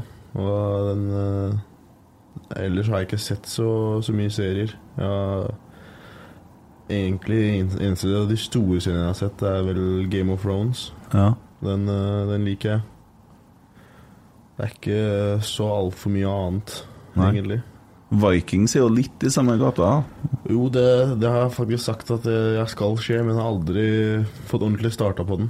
Nei, du må liksom gi den en par-tre før, du- Ja. før den setter seg. Men sånn er det ofte med Sånn er serier. det. Du må Bortsett fra Wisting, da. Den satte meg med en gang. Norsk serie, vel å merke ikke så Mm. mange episoder. Men sesong tre Nei, det ble litt tynt. Det ble litt tynt. Jeg er mest opptatt av Eliteserien. jeg. Å ja, du er det, ja? Jo, jo, men vi Han kan jo ikke dra hjem og sitte og se fotball hele tida. Hva er du gamer for noe? Game mye eh, Amerikansk fotball. Ja. gir meg mye. Ja, det Eh, så jeg dere holdt på med, Ja, ja. det er noe Da jeg var liten eh, Det var faktisk det første sporten jeg ble forelska i, var amerikansk fotball. Ja. Jeg sa til fatter'n var helt liten at at jeg ville spille amerikansk fotball, og han sa nå får du gi deg, det, det klarer du ikke. Mm. Så nei, det har jeg vært interessert i helt siden jeg kunne gå, egentlig. Og ja, spiller mye NBA òg. basketball. Mye skytespill, Call of Duty med, med gutta, Fortnite og, og sånn. Det var det vi sa når vi så kampen på TV om, eh, om eh, mandagen. Så sier jeg hva tror du de egentlig står og sier nå? De står og diskuterer Fortnite. sa han. det har vært kult. Uh, ja. Kan jeg få lov til å spørre om, så hvis jeg tar oss tilbake til Eliteserien, da, fra noen andre serier over i Eliteserien igjen. ja. Hvem er den verste spilleren du møter i Eliteserien? Vil ikke si noen stoppere, for de er alle svake. Jeg vil si heltene Nilsen eller Kristoffer Løkberg. De, eh, de er bare utrolig greie gutter utafor banen, men på banen så er de noen svin, ass. Men Det- Kristoffer Løkberg, da, hvordan er det? Snakker han på seg mye irritasjon, eller? Nei, men Han kan alle, alle triksa, føler jeg. Det er sånn Han vet åssen han skal være irriterende i enhver situasjon og snakke til dommeren og, og alt det der. Det, Oi sann, beklager, vi får ei gardin som bestemmer seg for å åpne seg. Det er jo bare ja, sånn som skjer. Hei, verden. Ja, nå får vi Det der skjedde sist podd òg. Men det er jo fint med litt sånn Det er litt liv rundt oss, tenker jeg. Ja, ja, ja. Bevegelse. Det skjer jo, det er på en måte en slags sensur på Kristoffer Løkberg, dette her. Det... ja, så når eh, Rosenborg spilte mot Viking i fjor på, på Lerkendal. Eh, Når vi vant, var det 5-0 eller 5-1 vi vant? Ja. Whatever. Og han, han ropa og prata så innst inni, og det var jo bare 600 stykker på stadion, så vi hørte jo alt hele tida. Ja, han hørte jeg i fjor. Dæven, hvor lei jeg ble. Du ser jo den som uh, Hvis du husker en situasjon mot Brann borte i fjor, hvor, uh, hvor uh, Helten Nilsen har en utrolig stygg takling, og så blir Reitan litt for overivrig. overivrig. Så tar han bare tak i den, og så sier han til han nå får du gult kort òg. Mm. Ja, så, det ser, så det ser ut som de driver og beefer, men egentlig så er det bare Helge Nilsen som holder fast uh, Mm. Dahl Reitan. Så de kan de der små svintriksa der. Førte ikke Brann så langt, da. Nei. Det triksene sendte dem eh, rett ned i kjelleren. Men jeg savna å ha dem i Eliteserien, da, egentlig. Heller Brann enn Jerv, sånn egentlig. Ja, altså, jeg må ærlig innrømme at jeg syns Brann hører hjemme i Eliteserien. Ja, Heller dem enn Bodø, for å si det sånn. Eller, ja. Nei, men jeg, jeg mener det. Det skaper jo mer interesse, og ikke minst så har de jo han fantastiske fotballagenten. Det er en fin fyr på Twitter, altså. Ja. Ja, virkelig. Ikke alle som takler at vi snakker fint om andre folk på Twitter. Der, da, får litt kjeft for det òg, men det er, noe, det er jo litt sånn artig med litt beefing på sosiale medier òg. Uh, bring it on. Eh, Trym Riise spør Eller var vi ferdig med en Løkberg, eller holder vi på å slakte han ennå? Vi har tid til det. Nei, det, det får vi si oss ferdig med frem til han kommer på Lerkendal og vi skal til SR Bank Arena. Ja. Han eh, kommer til å ende opp som trener en dag, da. Det er jeg helt sikker på. Eh, hørte han eh, prata i noen podder og sånn. Han er utrolig smart, da. Veldig eh, fotballfaglig faglig flink, sammen med Rismark Eggen. Eh, Eggen Rismark ser jeg for meg har vært et radarpar, altså. En dag Yes. Kan jeg spørre, for jeg er litt nysgjerrig på Roar sin rolle i trenerteamet. Kan du fortelle oss litt om det? Gå rundt og se bra ut. Nei, han eh, Han, eh, han og Frigård har, det, har en litt delt rolle, føler jeg. Og at eh, han, Roar har sine øvelser, og Frigård har sine øvelser. Så har de noen øvelser sammen, og så står Kjetil med for det taktiske og, og litt sånn å komme med noen inngrep hvis det, hvis det skulle være noen. Og så, ja, han har gitt meg utrolig mange bra tips. Han kommer inn veldig ofte mellom eh, Hvis vi har en position mellom eh, breaksa, og så kommer han inn og sier ting kanskje man skal være obs på, eller hva man gjør bra. Og, så han har kommet med utrolig, utrolig mye bra. Og han er utrolig fotball, eh, fotballsmart, som, eh, som alle vet. Og så har han den auraen rundt seg med at eh, det er Roar Stranden som, vi- som vi har med, så det syns jeg er utrolig kult. Mm. Godt å høre. Jeg, jeg hører liksom at det er så mye sånn utvikling, og så de er så gode på det. At det er, det, det, det er så mye Det er vekst, da. Og vi ser det jo hele tida, at det er vekst i laget. Veldig. De, de er veldig på, og uh, du får vite hva du gjør bra, så får du vite hva du skal jobbe med. Og, det, og vi har en veldig sulten spillergruppe som alle har ambisjoner uh, på, på hver sine måter. Og, uh, og vi ja, tar til oss læring uh, veldig fort, føler jeg. Og uh, vi spør inn hvis det, hvis det skulle være noe. Så vi Den dynamikken der uh, syns jeg har funka veldig bra frem til nå, i hvert fall. Mm. Hvordan er det da, sånn som Adrian, som eksempel, som kommer fra Stavanger, kommer til Rosenborg og er jo nesten Eller fra via et annet land, eh, og, og, og så ender han nå med at han sitter og sliter benk. Og Ole òg, da. Eh, hvordan klarer man å snakke dere sammen om de tingene der? Altså, Blir det frustrasjon, eller går det fint? Klarer man å unne hverandre suksess?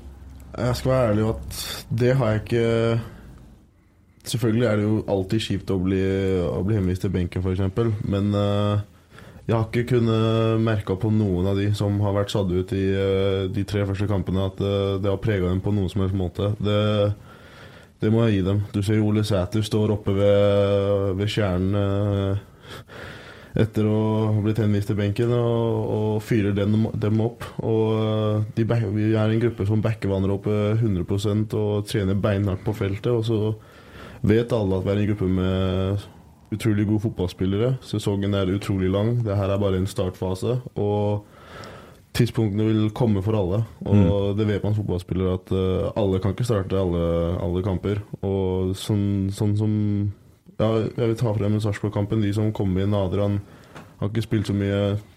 Spiller sin, sine beste ti minutter og gir alt der ute. Og det var utrolig deilig, deilig å se at, uh, se at han, nå, han nå kommer til å lykkes. Det er, mm. det er jeg sikker på, for han er en utrolig bra venstreback. Og ja, som, da han var i Viking, var han jo den beste offensive bekken i, i Eliteserien. Uten, uh, uten å kaste noe på noen, men han har noen offensive ferdigheter som er helt ekstreme. Ja, Så jo hvor han leka seg i går på Rosenborg 2-kampen, og han eh, herja jo med orklar og satte jo noe, et fint mål der òg. Ja, ja, han har ja. jo en innleggsfot som veldig få i, eh, få i Eliteserien har, og det har Edvard Hagseth òg. Mm. Så det er en veldig bra dynamikk vi har ute på den venstrebekk-konkurransen nå, i hvert fall. Mm. Men det virker som Adrian har en sånn iboende galskap på en god måte i seg, eh, som, som, virker som om det på en måte har en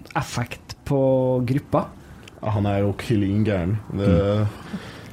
Når jeg snakker f.eks. med Rinso, så er det, det er veldig få ord spansk jeg kan, men uh, vi har begge to blitt enige om at han er loco. Mm.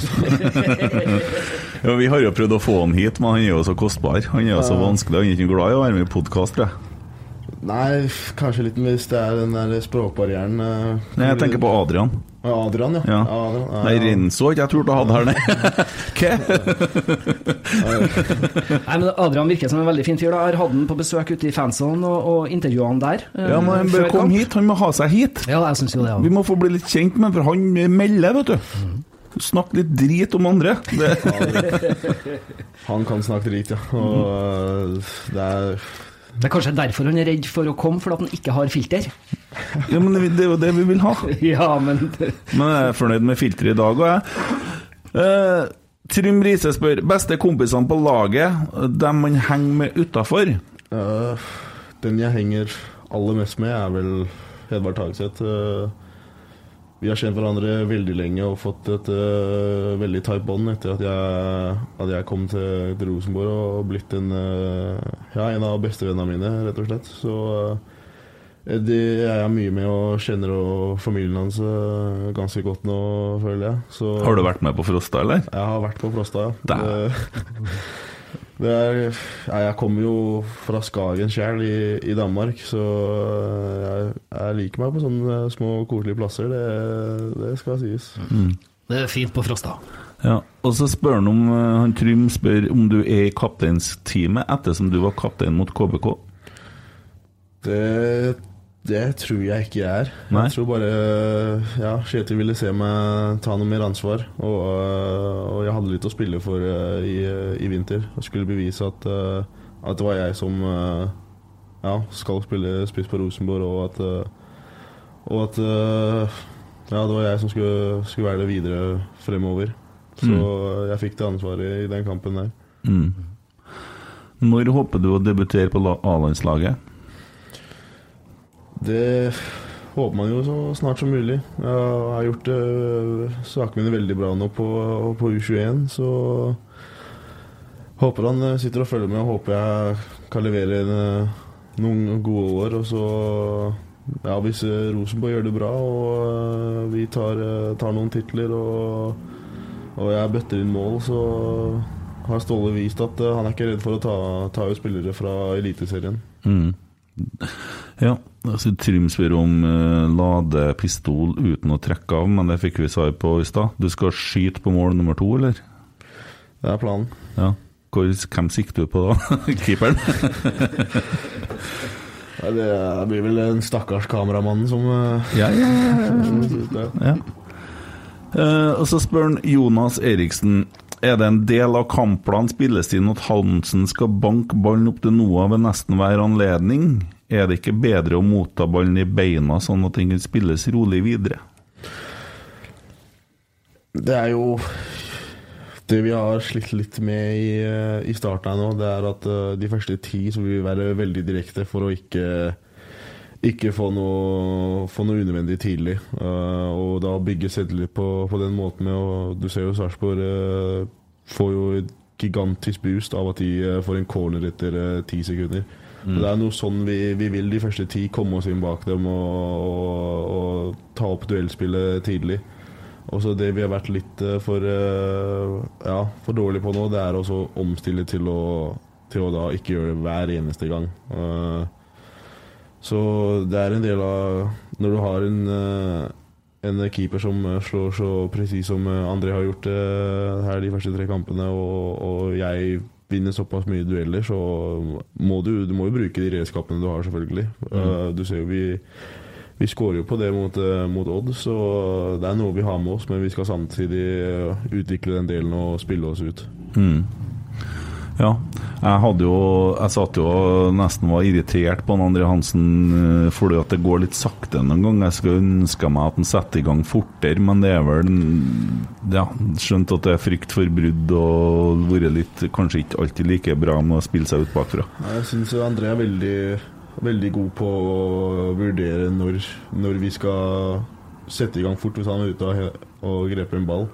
Så er han veldig flink på å skanne åssen banen er, og, og, se om det er mulighet for å, for å ta dem på en kontring. Eller hvis det har vært en veldig hektisk periode hvor det har vært mye frem og tilbake, og så kanskje den uh, muligheten for å gå er der, men vi ikke er i stand til For vi har løpt så mye de siste fem minuttene, så er han veldig flink på å vurdere det og så roe det ned. Mm, sånn, ja. Mye rutine bak der. Veldig mye rutine. Mm. Uh, I en annen podkast ble han jo kalt uh, Norges beste keeper i første omgangen, alltid før. Og så ble han kalt verdens beste keeper i andre omgang. Mm. han har avgjort mye for Rosenborg. Han gjorde jo det nå sist òg. Han avgjorde jo kampen. Jeg uh, hørte en uh, annen pod i går som sa at uh, de var vel litt ute på slakt, da. Men da så jeg de fikk svar i chatten under. For at de liksom hadde ikke vært for André Hansen, så hadde vi tapt. Hvis ikke han hadde redda den ballen, så hadde vi tapt. Men hvis man begynner med sånn hvis, hvis at det hadde skjedd, så kan man jo si at hvis du hadde satt den Eh, siste sjansen der, så hadde vi jo vunnet da òg. Så det blir sånn hvis og om at og sånne ting. Men 1-1 var vel et greit resultat, det. Og det er jo etter skjema fortsatt, vil jeg tro en Kjetil melder.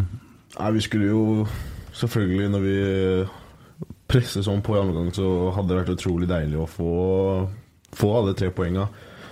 Men når vi leverer en så dårlig så dårlig førsteomgang som vi gjør, og slipper inn et så billig mål på slutten. Hvor eh, det er som alle bare skrudde av. der Det var 15 sekunder til pause, og det skal ikke skje. Mm. Det må vi få luka bort, og det tror jeg vi har luka bort og, nå. Og snakka om det. Så alt i alt så, så var det, føler jeg, det, det, riktige resultatet. Og det poenget, vi vet ikke, det kan bli veldig Det kan bli gull verdt, det. det mm. Når vi kommer oss til november. Så vi får se. Ja, men noen som sa at hvis vi tar ett poeng på kunstgress og tre poeng på naturgress, så har vi 70 poeng når sesongen er ferdig, og da vinner vi serien. Så det er jo greit. Mm. Du var jo innom eh, at det er jo noen som alltid klarer å finne noe negativt, og så er det noen som alltid klarer å finne noe positivt. Mm. Hvor mye blir dere som gruppe påvirka av det som foregår utafor? det som skrives og snakkes om i media, det som, som meldes på sosiale medier osv. Hvor, hvor, hvor mye blir dere påvirka av det? Nei, du får det jo med deg, og du, du oppfatter det, men det er ikke noe du legger, legger energi i. I hvert fall Vi ser det, denne episoden på Eurosport for eksempel, hvor du blir totalslakta for å ikke presse keeperen. Og så velger de da ikke ta med at hva er det vi scorer på? Jo, ja, vi venter mm. og la dem spille ut til sin uh, dårligere side. Brudd. Scoring Stefano. Mm. Det, så alt går opp i en høyere effekt, og du får jo selvfølgelig med deg alt mulig folk skriver på, på sosiale medier òg. Og uh, når det er sånne usaklige ting, så ler man egentlig bare av det. Og, mm. Så det er, ikke, det er, ikke, noe som tapper meg eller gruppa for, eh, for energi, i hvert fall. Mm. Det er godt å høre. Ja. Ja, for det jo, kan jo være nok kok i Rosenborg. Det er jo ikke så mange år siden en trener fikk sparken et år. Vi vant gull og uh, og vi kvalifiserte oss til Europa. Det, det er liksom Og lell så var folk misfornøyd fordi at vi vant på feil måte osv. Så, videre, så det, det har vært krav her, men jeg tror faktisk folk har senka forventningene litt, og kanskje finner litt mer glede i å være glad i klubben. og ja, Det er sånn som det er, og ser det at vi bygger for framtida. Håper og tror.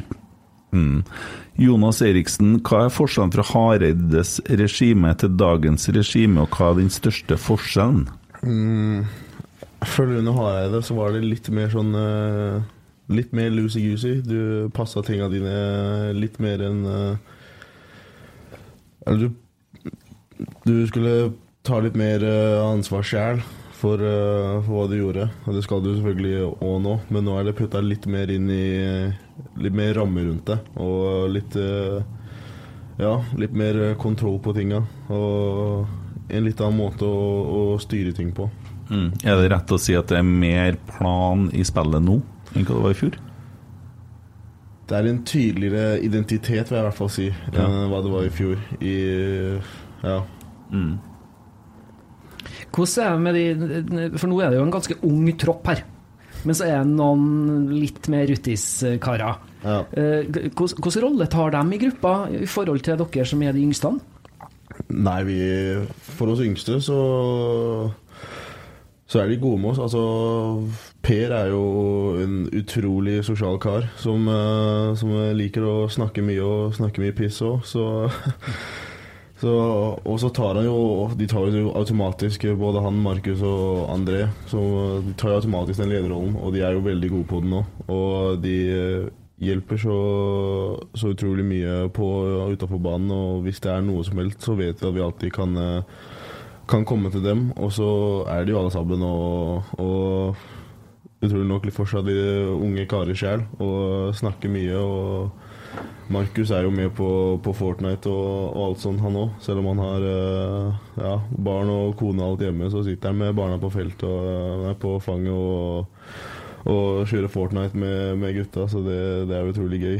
Og uh, nei, de Og så setter de jo de krava som vi trenger i treningshverdagen, for de vet De har vært med på noen utrolig gode lag opp igjennom, og de vet åssen Eller har noen tanke på hvordan det skal se ut når, eh, når, det, når du har et superlag. Så, så, de setter jo de krava og er veldig ofte og de mest høylytte, høylytte til treningene. Og så føler jeg ja, Den switchen vi har gjort i år, er at det blir satt mer krav òg, føler jeg. Fra både trenerteam og internt i spillergruppa. Og i fjor var det litt mer sånn at vi skulle støtte opp om hverandre istedenfor. Nå blir det satt litt mer uh, fot ned på, ned på ting. Mm. Ja, uh, det er en som heter lord uh, Rabi. hvordan føles det at ekstremt mange vil ha Ole Sæter på banen, spør han?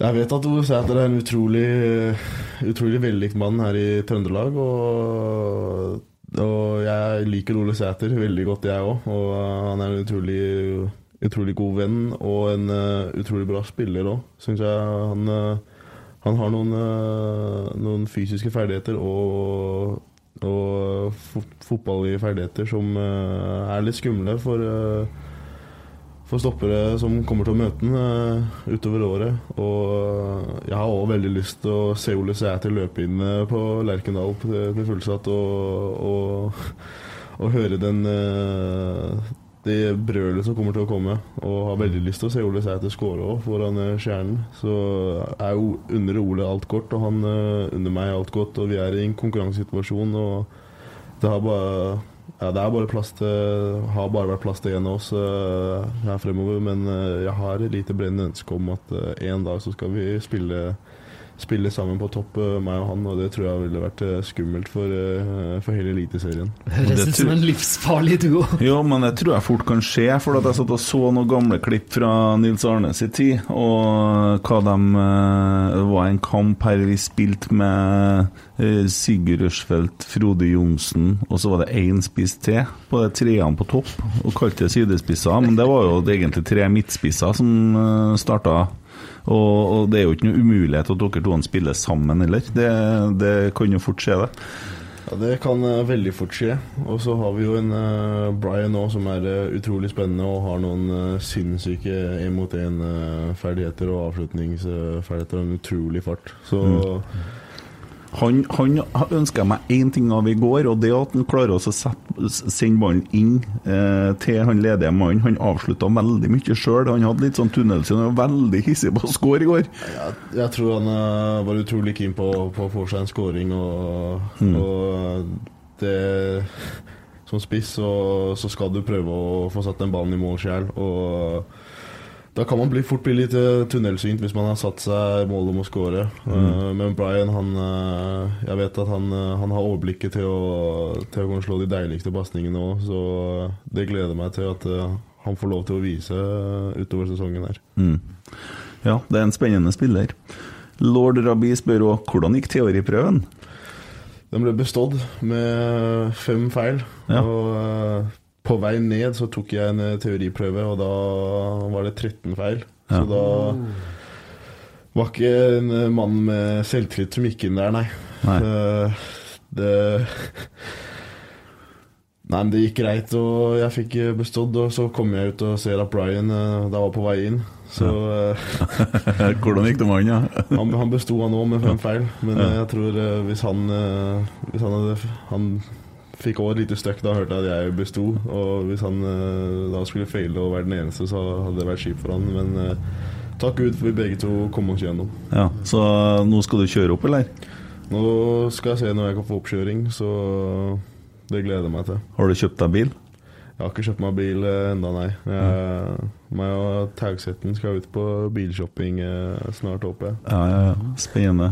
Så da må vi jo spørre hva er drømmebiler? Drømmebiler? Uff, det, Det blir jeg, sikkert ikke den første, for å si det sånn. Det, det, det blir ikke den første, nei, men det må jeg si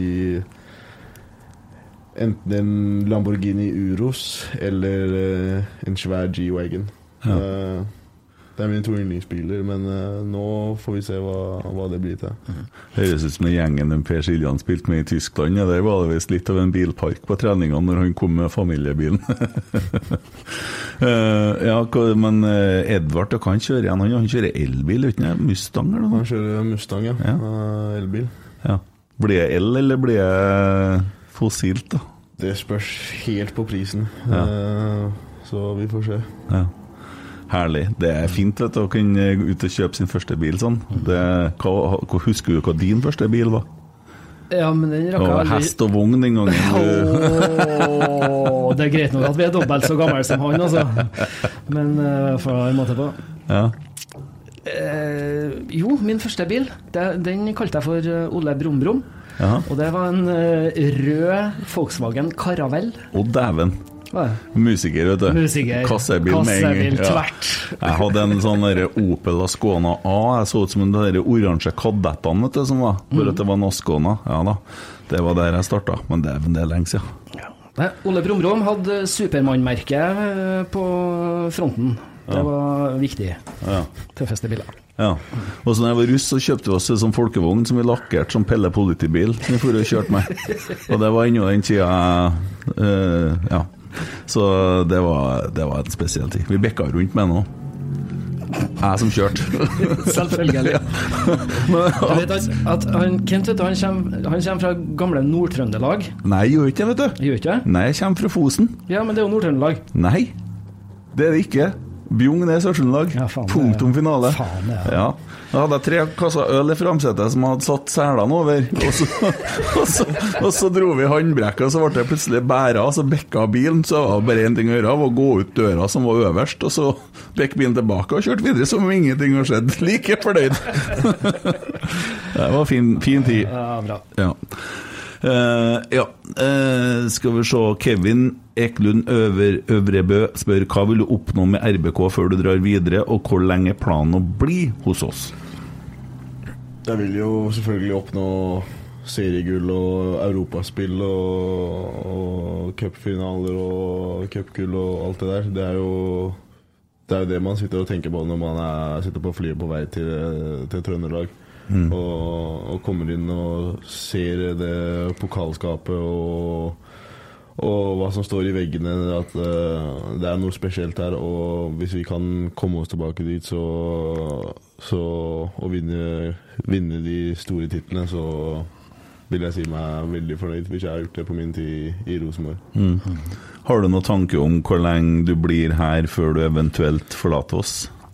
Nei, det Det spørs hva, hva som skjer, og, hvor gode vi blir, og hvor god jeg blir, selvfølgelig. Og man vet aldri, aldri i fotballens verden, så jeg har lyst jeg har, Motivasjonen min er å være her nå, og, det, å vinne kamper og vinne gull, skåre mål. Så det er det, egentlig bare det jeg tenker på nå. Mm. Det er, eh, det er Rosenborg for, for meg. Har du fått deg kjæreste eller samboer? Det har jeg ikke. Jeg er fortsatt, uh, fortsatt singel, ja. Håper at du finner ei trøndersk ei som aldri vil flytte, og som blir gravid og nekter å ferde. Nei, vi unner noe alt godt, vi, etter Ja, det han har utretta det han skal gjøre. Det er alt godt, det. Å bli Rosenborg er å unne en alt godt. Ja. Det er ikke noe bedre plass å bli. Se på en Roar. Ja, jeg vet da det. sjøl. Det det er alt godt. Gutten har da en drøm. Ja, jo, jo, jo. Jonas jeg spør hva syns du om Molde, men det har vi fått definert. Det har vi blitt enige om. Gaute, hvor mange mål ser du for deg score? Det har vi fått, ja. Uh, skal vi se, så kommer jeg inn på noen snapper som har kommet her. Da har vi begynt å nærme oss nå, sjø. Jeg vil bare si takk for eh, den eh, Simon Drengsrud Dahl som sier Jeg vil bare si takk for at, han, for at spesielt han og Olaus Rød springer rett bort til oss i kjernen i Sarpsborg-kampen allerede under oppvarminga. Og heier oss fram og jubler med oss som vi har vunnet ligaen. Dere viser ubestridelig hvor mye dere setter pris på at vi er der, og det gir i alle fall meg ekstra motivasjon til å holde gående kampen ut når jeg er hes og andpusten i det 80. minutt. Så det er jo litt kul beskjed å få, da. Veldig. Jeg, jeg føler at det står eh, Hva var det, 500 nede i Sarpsborg på, på en mandag. Det For meg, det, det er helt uvirkelig, nesten. Og det er en guttedrøm å få lov å reise rundt og spille fotball og, og, og så se at det betyr så mye for folk. Eh, det gjør meg utrolig glad. Å kunne gjøre dagen deres eh, samtidig at de gjør dagen min med at alle de er der, det syns jeg er utrolig gøy. Jeg må bare si, skal ikke jeg inn på dere der så mye, men første hjemmekampen så sang jo jeg inn på stadion. Eh, og når jeg var ferdig med den opptreden, så sto det en liten gutt med en plakat. 'Noah, kan jeg være så snill å få drakten din?' Og så ser han meg, og at jeg har sunget, så sier han 'Du, kan ikke du snakke med Noah for meg om jeg kan få drakten hans?' Men det, det, det er jo mange som står med stjerner i øynene til det her unge guttene og ser på dere, da. Det betyr jo mye. Ja, det den, jeg så det skiltet, jeg òg, men uh, den kampen der så var det sånn spesial uh, Ja. Nils Arne-drakter som vi dessverre ikke fikk eh, Fikk lov å gi bort. Eh, de skulle på auksjon eller noe sånt, hvis Ja. ikke jeg tar helt feil. Så, Det stemmer, og derfor jeg reiv fra han skiltet og sto med det sjøl. Kent Aune, mine damer og herrer. Ja, de var fine, de draktene. da Men Ja, jeg ser dere har jo treningsjakkene med bilde av Nils Arne på òg. Det har vi, og eh, den har jeg veldig lyst på etter eh, sesongen. Ja, jeg òg. ja, nei, men det, nei, det var virkelig vakkert. Men det er jo tydelig hvor mye det betyr for barna og, og sånne ting. Er det snakk om det i forhold til dere med å gi bort drakter og sånne ting? Jeg ser noen irriterer seg på Twitter over unger som står og ber om drakter, men jeg syns det er kult. Vi bygger jo Ja, ja. Det er jo Jeg husker da jeg var liten og dro på kamp òg, så du vil jo ha en suvenir. Og eh, tenk å komme på skolen dagen etter, og, med, og du har fått en drakt til en av heltene dine, liksom. Så for meg eh, det er, det, det er selvfølgelig noen regler knytta til det, med hvor mange og sånn og sånn. For eh, plutselig så står vi i shoppen og ikke har flere drakter. Så men eh, jeg har gitt bort eh, utrolig mange drakter eh, siden jeg kom, kom til Rosenborg, og har gjort det nesten, nesten stort sett hver kamp. Og for meg så, så når det står en liten gutt eller jente eller hva det skulle være og, og spør, så er det veldig vanskelig å si nei. Mm. Og det gjør vondt de gangene man, man da ikke har gjort det. Mm. Så en spiller i et annet land her som han tok av seg bok, nei, shortsen og sokkene og alt, og ga bort. Han sto igjen i bare bokseren. Det var litt kult, da! Ga bort alt. Det er fint, vet du. Liker å vise seg frem. Ja, men det er jo fint å se unger på Nardo da eh, spille med Rosenborg-drakt som det står Noah på, i stedet for at de har Liverpool eller eh, PSG-drakt, eller hva de har. Helt klart, og jeg syns det er en kjempefin ting det dere gjør. Det at dere eh, bare, både gir av dere sjøl og, og, og viser den takknemligheten tilbake til publikum som, som dere betyr så mye for. da. Det er Ære være for det, og det syns jeg aldri dere skal slutte opp med. Nei. Nei, det er gull verdt, også. Oddbjørn Hvelve spør på Snapchat hvor deilig blir det å slå Molde? Det kommer til å bli så utrolig deilig. Og det, jeg kjenner eh, det er noe Det er noe ekstra denne, denne uka her. Det, det, står litt mer på eh, sosiale medier og litt videre, og man kjenner litt eh, energi i det nå. Nå kommer sola og, og forhåpentligvis også litt, litt samba-fotballtakter. Så å kunne starte sommersesongen på Lerkendal med å kjøre over Molde, det, det hadde vært så utrolig deilig. Mm. Hva ja. tror du har å si at Molde gjorde en svak prestasjon i, i det siste møtet før de kommer til Lerkendal? Jeg syns Molde har sett svake ut hele vinteren. Og, Og, og, og, i de kampene jeg har sett, så syns jeg at uh, det har sett veldig rart ut. Uh, alle sitter og, sitter og sæler på sitter og skryter opp Molde og ser på de, og, men jeg, jeg, føler ikke vi har sett samme kamp, da. For mm. mot Vålerenga var ikke, var ikke noe spesielt der. Jeg ble kjørt over av godset i, i første omgangen og sleit veldig mye godset i cupen òg. Så jeg visste at de ville gå på, gå på en smell før eller senere, for jeg har, har ikke sett uh, så all verdens ut. Så det var deilig å se at uh, de tapte poeng sist. Mm. Er godt å høre. Ja, det det. Har dere begynt å snakke om kampen allerede og sett på svakheter og sånne ting, eller?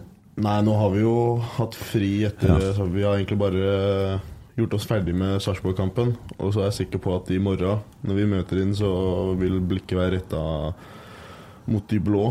Så uh, så, men vi har jo snakka internt i gruppa om at uh, Molde nesten har sett mer shake ut enn oss. De har uh, bare klart å kapre til seg noen seire. Så det er ingen som, uh, som, sier noe om det. Og har vunnet alt i vinter, så ingen snakker om, snakker om det da når resultatene er bra. Men jeg syns Molde har vært veldig, veldig shaky, altså. Mm. Ja, de mangler vel noen sentrale spillere, og de har skifta formasjon, dem òg, ser jeg. Ja.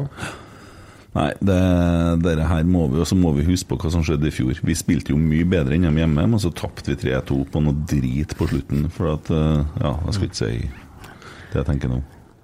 Nei, vi får håpe at det, så, det finnes ikke en sang som går sånn Tramp, tramp, tramp på en smurf. Ja. Mm. Vi hører på den der eh, bombefly, tenker jeg. Ja. ja det er fint, ja. ja. Eh, skal vi se, Torsdagsbikkja eh, har sendt en melding inn til eh, Rotsekk på Twitter. Eh, Hareide sammenlignet deg med Odd Iversen og sa, til, sa, at du kom til å bli bedre enn Carew. Er slike uttalelser motiverende for deg, eller skaper det bare mer press?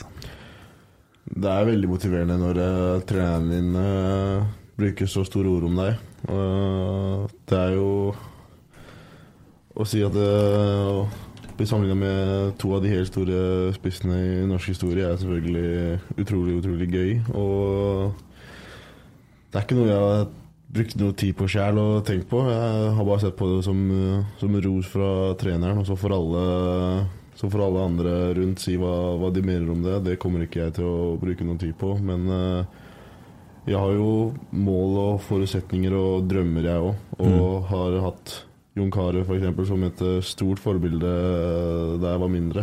Og ja, så det var utrolig gøy, men ikke noe jeg har brukt, uh, brukt all verdens tid på. Og så vil jeg jo ut og skape mitt eget navn, så neste generasjon kan bli sammenligna med meg. Mm.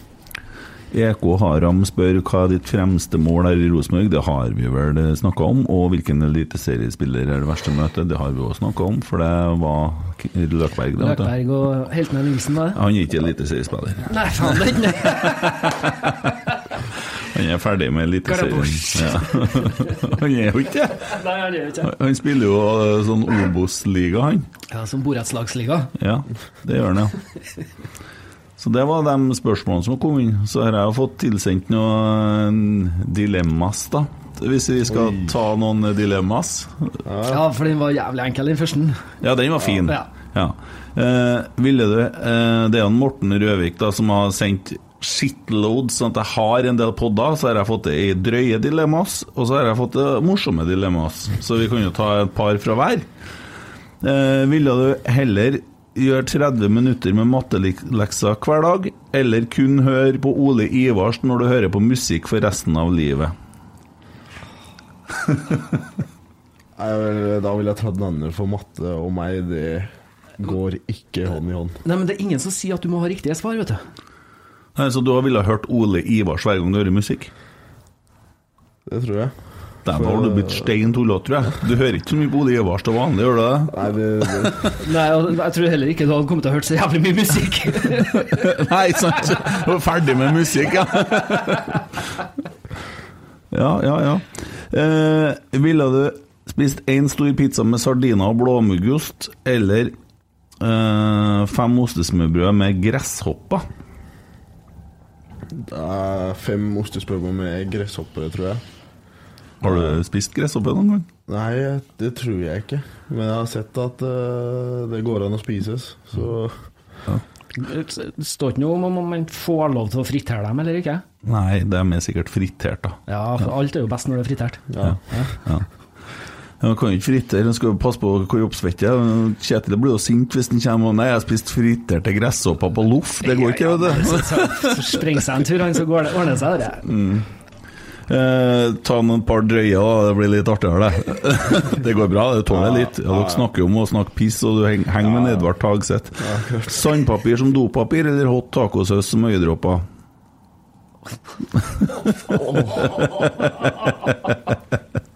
Åh. Ja, Da ville jeg Jeg ville faktisk tatt sandpapir og glidemiddel til Og så kommer det en ordentlig, ordentlig tullete en. Jeg vet ikke om jeg får til å si det engang. Du kan svare etterpå, du òg. Du òg må svare. Den, den er bare fæl, da. Ville du helst ha hatt sex med geit og ingen fikk vite det, eller ikke ha sex med geit, men alle sammen tror at du har gjort det?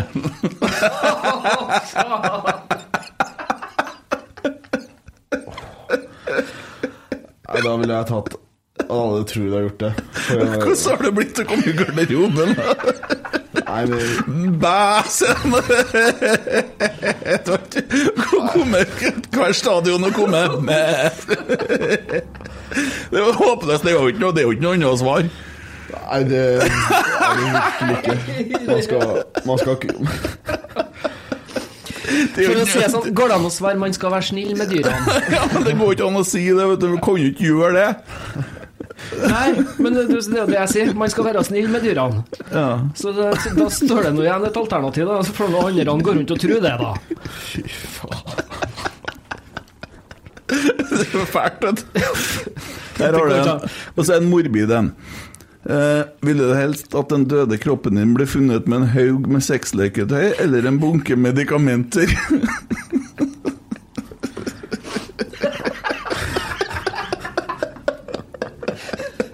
Dødsårsak uviss. Å ja, å ja. Det var sånn det var stelt med han, ja. Edvard og osten, akkurat. Ja vel.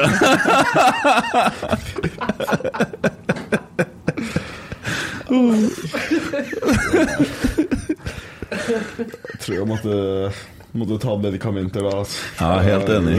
Jeg har gjort det, jeg òg. Jeg har bare vært sånn Å ja, han sprakk, har de sagt om meg. Det er greit. Det står jo ikke sexleken er. Nå, nå bekker han. Arne her. Uff, jeg har valgt rød trekant, jeg òg, tror jeg. altså. Jo, jo, men det er jo lov å ha litt artig òg. Du skal ikke bare være ordentlig. Nei, Nei, faen heller. Har du noe mer i boka di, eller? Ja, men det passer seg ikke her. Du gjør ikke det? Han styrer jo fanzone òg, vet du, før kampene. Du gjør det, ja? Ja da. Ok. Så eh, der er det jo litt action nå som skjer. Jeg håper jeg aldri får deg uti der som intervjuobjekt. For det vil si at du er skada eller utafor tropp. Ah, ok. Ja, det er bare dem, det, ja. Ja. Ja, sånn, ja. Så um, Satser på jeg aldri er der heller. Ja. Men det hadde vært jævlig hyggelig, det var ikke det. Det hadde det, ja. Ja, For du har ikke vært skadeplaga? Når du, når du var, ble tatt av banen på den landskampen, var du skada? Jeg hadde noe overbelastning i, i hofta der og da, men vi har fått, uh, fått kontroll på det Kontroll på det under uh, de siste par ukene og tatt litt hensyn til det. Og, så det, det er borte nå. Og så hadde jeg den lille, lille avbrekket i fjor i to uker eh, hvor jeg hadde litt kne, kneproblemer. som kosta meg Bodø-kampen hjemme. Og, og at jeg bare var klar for 45 inn i siste seriekamp mot, mot Godset. Mm. Så det er det eneste jeg egentlig har hatt av skader i, i veldig, veldig lang tid. Jeg har, ja, jeg har ikke hatt noen skader siden, det, siden jeg ble fotballspiller på, på den måten, egentlig. Mm. Veldig bra. Det er godt. Eh, kan jeg spørre, for Du sier jo noen ting om at du har, eh, du har mista et par kilo. Mm -hmm. Hva syns du det har gjort med spenst og med, med utholdenhet? Jeg vet ikke om det har gjort så mye med akkurat utholdenhet, men det har jo det med at du føler deg freshere til å, til å ha den større loaden som det er å spille en fotballkamp, og du kan spurte på 100% flere ganger enn eh, hva du kan hvis du dreier på litt mer. Og du blir mer eksplosiv og mer eh, bevegelig, rett og slett, enn mm. eh, hva det er hvis du, hvis du dreier rundt på litt. Mm. Men har du merka det på spensten? For det, det, det, drar jeg tilbake til at du vinner alle duellene. Det jeg vet ikke om det er så mye på spensten. Jeg har fått et uh, sinnssykt bra tips av Roar Strand som, uh, i preseason, som har hjulpet veldig på, på den biten. Mm. Og det å komme ned fortere, som en egen snakka om. det var, jo, det var 'kom ned fortere', ja. Fra headinga. Han sa til en spiller 'du må komme ned fortere'. da hjelper ikke det å ta av noen kilo, for å si det sånn. Jeg kommer ned fort, vet du. Ramler som en sandsekk. Men du får jo veldig mye frispark frispark mot deg òg. Det er ikke alltid at det er så rettferdig, syns jeg. Med tanke på Når du er i dueller og sånn, så er du jo tydeligvis mye sterkere enn motstanderen. Og ja. de ryr jo som fluer rundt deg, og så blir det dømt mot deg ennå du ikke gjør stort, eller?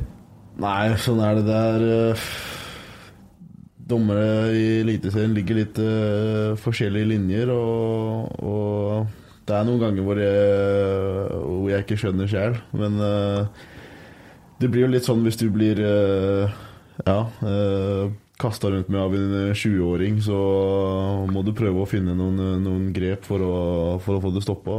Ofte så føler jeg òg at de legger seg litt billig, ja. Mm. Har du sett f.eks. noe mye Molde-ting i det siste, og studert forsvarerne? Forbereder du deg på noe sånt, eller bare tar du det som kommer? Det kommer jeg til å, å gjøre. Uh, så har ikke sett altfor mye utenom det jeg har sett av Molde i de kampene som jeg har sett tidligere. Uh, men jeg kjenner jo, kjenner jo de som uh, daffer rundt bak der. Det har jo spilt mot de, mot de før, og med, med, en av de òg, så Nei, jeg gleder meg til, til, den. Det er litt sånn uh, spesialdynamikk, den der uh, krigen mellom midtstoppere og, og, og, spisser i, i, i 90 min. Det, det, liker jeg. Og når du føler at du vinner den, så føler du deg som kongen utpå der. Ja, for det er ikke bare en fysisk kamp, det er noe som foregår oppi topplokket der mellom uh, spillerne i den duellen òg. Det er jo det du prøver å få en eh, Du føler du har litt overtaket på dem hvis du, hvis du har vunnet de tre siste duellene. Så vet du at uh, på et eller annet tidspunkt så kommer de til å bli irritert og komme med litt uh, prøve å komme litt ekstra trøkk, og da får man straffe de når de, når de koker over. Mm. Og så har dere en del sånn løpstester og sånne ting, og spurttester og sånn. Eh, er du kjappere enn Ole Sæter? Han satt her og skrøt at han var så kjapp. Det er uh, Ole Sæter uh, er veldig, veldig rask, ja. Men uh, jeg har jo sagt tidligere at i fjor så var jeg helt sikker på at jeg var den raskeste i troppen. Ja. Han har eh, vært oppå en eh, høyere toppfart enn meg inntil videre. Men eh, vi får se åssen det ser ut på, på, på, slutten av sesongen. For jeg vet hva slags toppfart jeg har vært på tidligere, jeg òg. Og den vet jeg at ingen i, i klubben slår. Mm. Så vi får se. Mm. Hvordan kommer man seg dit, da? Eh, er det bare med å øve og trene og springe mye fort, eller? Mm, jeg har egentlig aldri vært noe, vært noe rask opp igjennom i, i ungdomsåra. Men har uh, hadde, Når jeg har vært hjemme på ferie, så har jeg hatt en, en, en sånn trener som har vet veldig mye om friidrett og har jobba med fotballspillere i Danmark nå i en del år. Og hvordan de hvordan de jobber med teknikken og hvordan man blir raskere der. Og mm. det gjorde veldig stor forandring. Og litt også man bygger opp musklene rundt og, og for å kunne, kunne løpe fortere. Og, mm. Så det har jeg gjort i mine, mine ferier i det siste. Ja. Så, så har jeg blitt eh, utrolig mye raskere enn hva jeg var, i hvert fall. Ja. Det er kult. Hjem i ferien og trene teknikk. Veldig bra. Ja.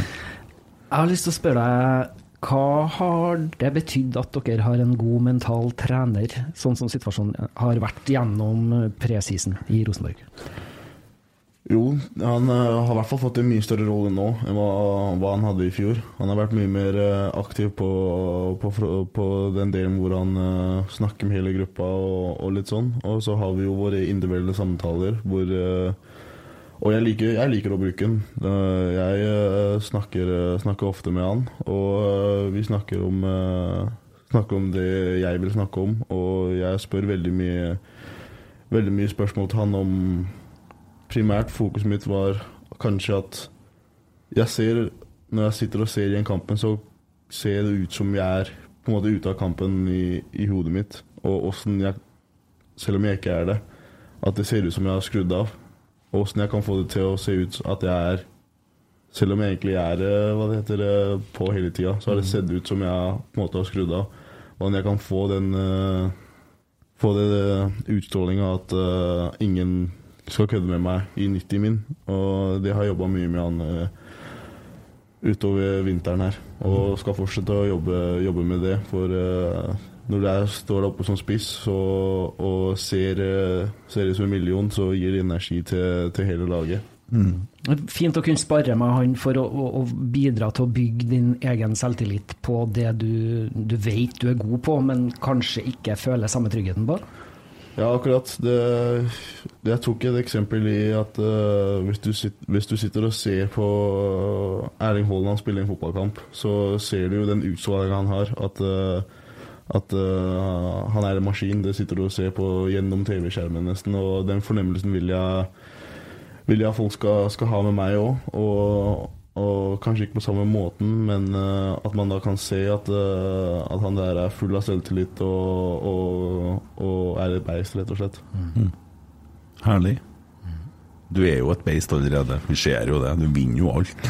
Er på, er på god vei til å, til å bli det. Det er mye mer å hente, føler jeg. Så eh, jeg gleder meg til fortsettelsen. Ja. Kanskje du får deg et uh, tredje mellomnavn? Kanskje det, ja. Noah Beistet Ja, ja beistet. Ja. Ja, nei, jeg, jeg har trua på det. Jeg vil gjerne se deg som et beist eh, gjennom eh, 2022, Mm. på topp der. Mm. Og så kan Hvor du sitter du under kampene, du? Nå sitter jeg Jeg er jo langsidesupporter. Ja, fy og fy. Mm, Ja, og shame on me. Mm. Trives godt med det. Mm. Så jeg sitter på samme feltet som han som har den høyeste stemmen på hele Lerkendal. Og det er Det er en Tore Mæland. Ja. Og han eh, Vi sitter bortpå F... Nei, EB, heter det. Ok, ja, vi sitter oppe på CB. Ja. Så dere sitter bak bortebenken, bortebenken, dere egentlig, da? Ja, sånn borti en- Ja. Jeg skjønner, jeg skjønner. Ja, nei, vi kjører vi, Jeg må få gitt eh, Nei, det besitter vi. Ja. Jeg må få gitt noen beskjeder vet du, til Geir og sånn under kampene. Ja, sånn, det synes jeg er ja, viktig. Det, ja, ja, det, Apropos selvtillit eh, nå. ja. Nei, men altså, jeg, jeg kjenner jo på det, det er med nærheten til kjernen. Det Mm. å sitte bort eh, på langsida mot kjernen der, Mm. det setter jeg veldig stor pris på. For at uh, det er ikke bare Det er spillerne det gir noe. ja. Ja. Nå skjønner jeg. Ja, du er der. Du hakker bortom, ja. Ja, Ja. ja den mener jeg. Ja. Jeg forstår. Jeg forstår. Mm. Så det. Men shout-out til en, eh, Tore Mæland, som eh, vanligvis på Lerkendal uh, gjør opptil flere shout-outer. Mm. Så, Mm. Ja. så det. Hyggelig. Hyggelig. Ja, Holder på å nærme oss slutten. Skal du avrunde òg, du, eller? Ja, så jeg, jeg fikk jo æren av å, å starte dette ballet her, men det går jo ikke an å avrunde utenom og innom en liten ting. For jeg tenkte jeg skulle spørre noe om han har hørt denne Rosenborg-sangen din. Mm. 'Et liv i sort og hvitt'. Den har jeg hørt, ja. Det er han skapningen der Han er som- med på, han er med på videoen. Ja, Ja. så jeg glemte å ta på meg brillene, så jeg så ikke den. Ja, nei, han er det. Eh, fordi at det var litt sånn poeng å bruke bare eh, nye spillere, da. Eller også ikke så mye gammel historie, men eh, Nei, sånn som jeg gjorde i fjor når jeg ga ut en Rosenborg-låt og bare brukte navn på spillerne. ja, Som ikke er lenger, nesten. Ja, ja. Nei, ja, men det er, jo, det er jo sånn, og det er nå alt til sier tid, og sånn, men det var jo budskapet om å stå sammen som var litt uh, greia, følte jeg, og fremtid. Mm. Og det ser det ut som uh, troppen responderer bra på da, Kent. Tror ikke det har så mye med den sangen å gjøre, da. Det skal ikke jeg ta på meg, nei. Nei, men eh, du skal jo gi ut ny musikk uka her, du. Mm, det kommer en ny sang på fredagen. Det er ikke en Rosenborg-sang, da. Og den kommer ikke helt ut av det blå. Nei, den heter Ut av det blå. Ja, Det var nemlig det den gjør. Ja. Så folkens, eh, sjekk ut uh, nye låta til Kent på fredag. da. ja, skal vi høre to sekunder av den, da? Det er jo ingen som har hørt den før. Hva syns du nå? da? Det er jeg veldig keen på, på å høre, ja. Skal du fortelle hvem du har skrevet den til? Nei. Nei. Nei. Skal ikke. Men eh, Noah, tusen hjertelig takk for at du eh, orka å svare på både dilemmas og eh, Vi fikk høre om osten eh, til Nedvard, skal du si. ja, dere er gull, vet du. Dette er gull. Eh, nei, tusen hjertelig takk for at du tok deg tida. Jo, Jeg syns det var utrolig hyggelig. Og kanskje vi sitter her igjen en dag. Ja. Det hadde vært gøy. Ja, vi må, jo, vi må jo summere opp og sitte og telle mål her ute på høsten og se hvor eh, fasit ble. Ja, det Jeg har lyst til å se Stenseth i noen kontroversielle Ja, det er kult. Ja. Det, det gleder jeg meg til. Jeg, jeg, jeg bare tror ikke at det blir sånn, men det blir sånn. Det blir sånn, Ja, ja. ja. I morgen er det jo trening klokka halv elleve. Ja. Ja, da skal jeg jo se på treninga. Eh, er, er det noe som dere tenker på? At det står faktisk ganske mange folk og ser på treninga nå? Jo, det står faktisk ganske mange. Og det var jo helt sinnssykt den første treninga i vinter. Ja. Hvor, eh, hvor det var folkehav, nesten. Eh, men du legger jo merke til at, eh, at folk bryr seg igjen, da. Og det syns vi er veldig gøy, at folk eh, kommer til og med på trening òg. Så ja, det er en sånn veldig familiær uh, følelse rundt klubben, og det er utrolig deilig å kjenne på. Herlig. Det, er- det er mange som er glad i klubben her, vet du. Det er det. Ja. Det er det absolutt. Og vi gleder oss til å se hva fremtida skal bringe eh, med deg i eh, spissen nå. Mm. Jeg syns det er koselig. Det er nesten vanskelig å avslutte, men vi må det. Vi må det. Uh, og jeg gleder meg som en unge til søndagen. Uh, få gjøre noe payback imot det her uh, laget fra dem som kaller, eh, kaller dem seg by. Hvem? Det laget som vi skal spille mot på søndag. Snurr. Ja. Ja. Nei, Noah, tusen hjertelig takk. Sett på litt av den sangen, da, så vi ser om det blir noe lyd der. Av og til så skjer det ting du ikke kan forutse. Små magiske eventyr en går og håper på.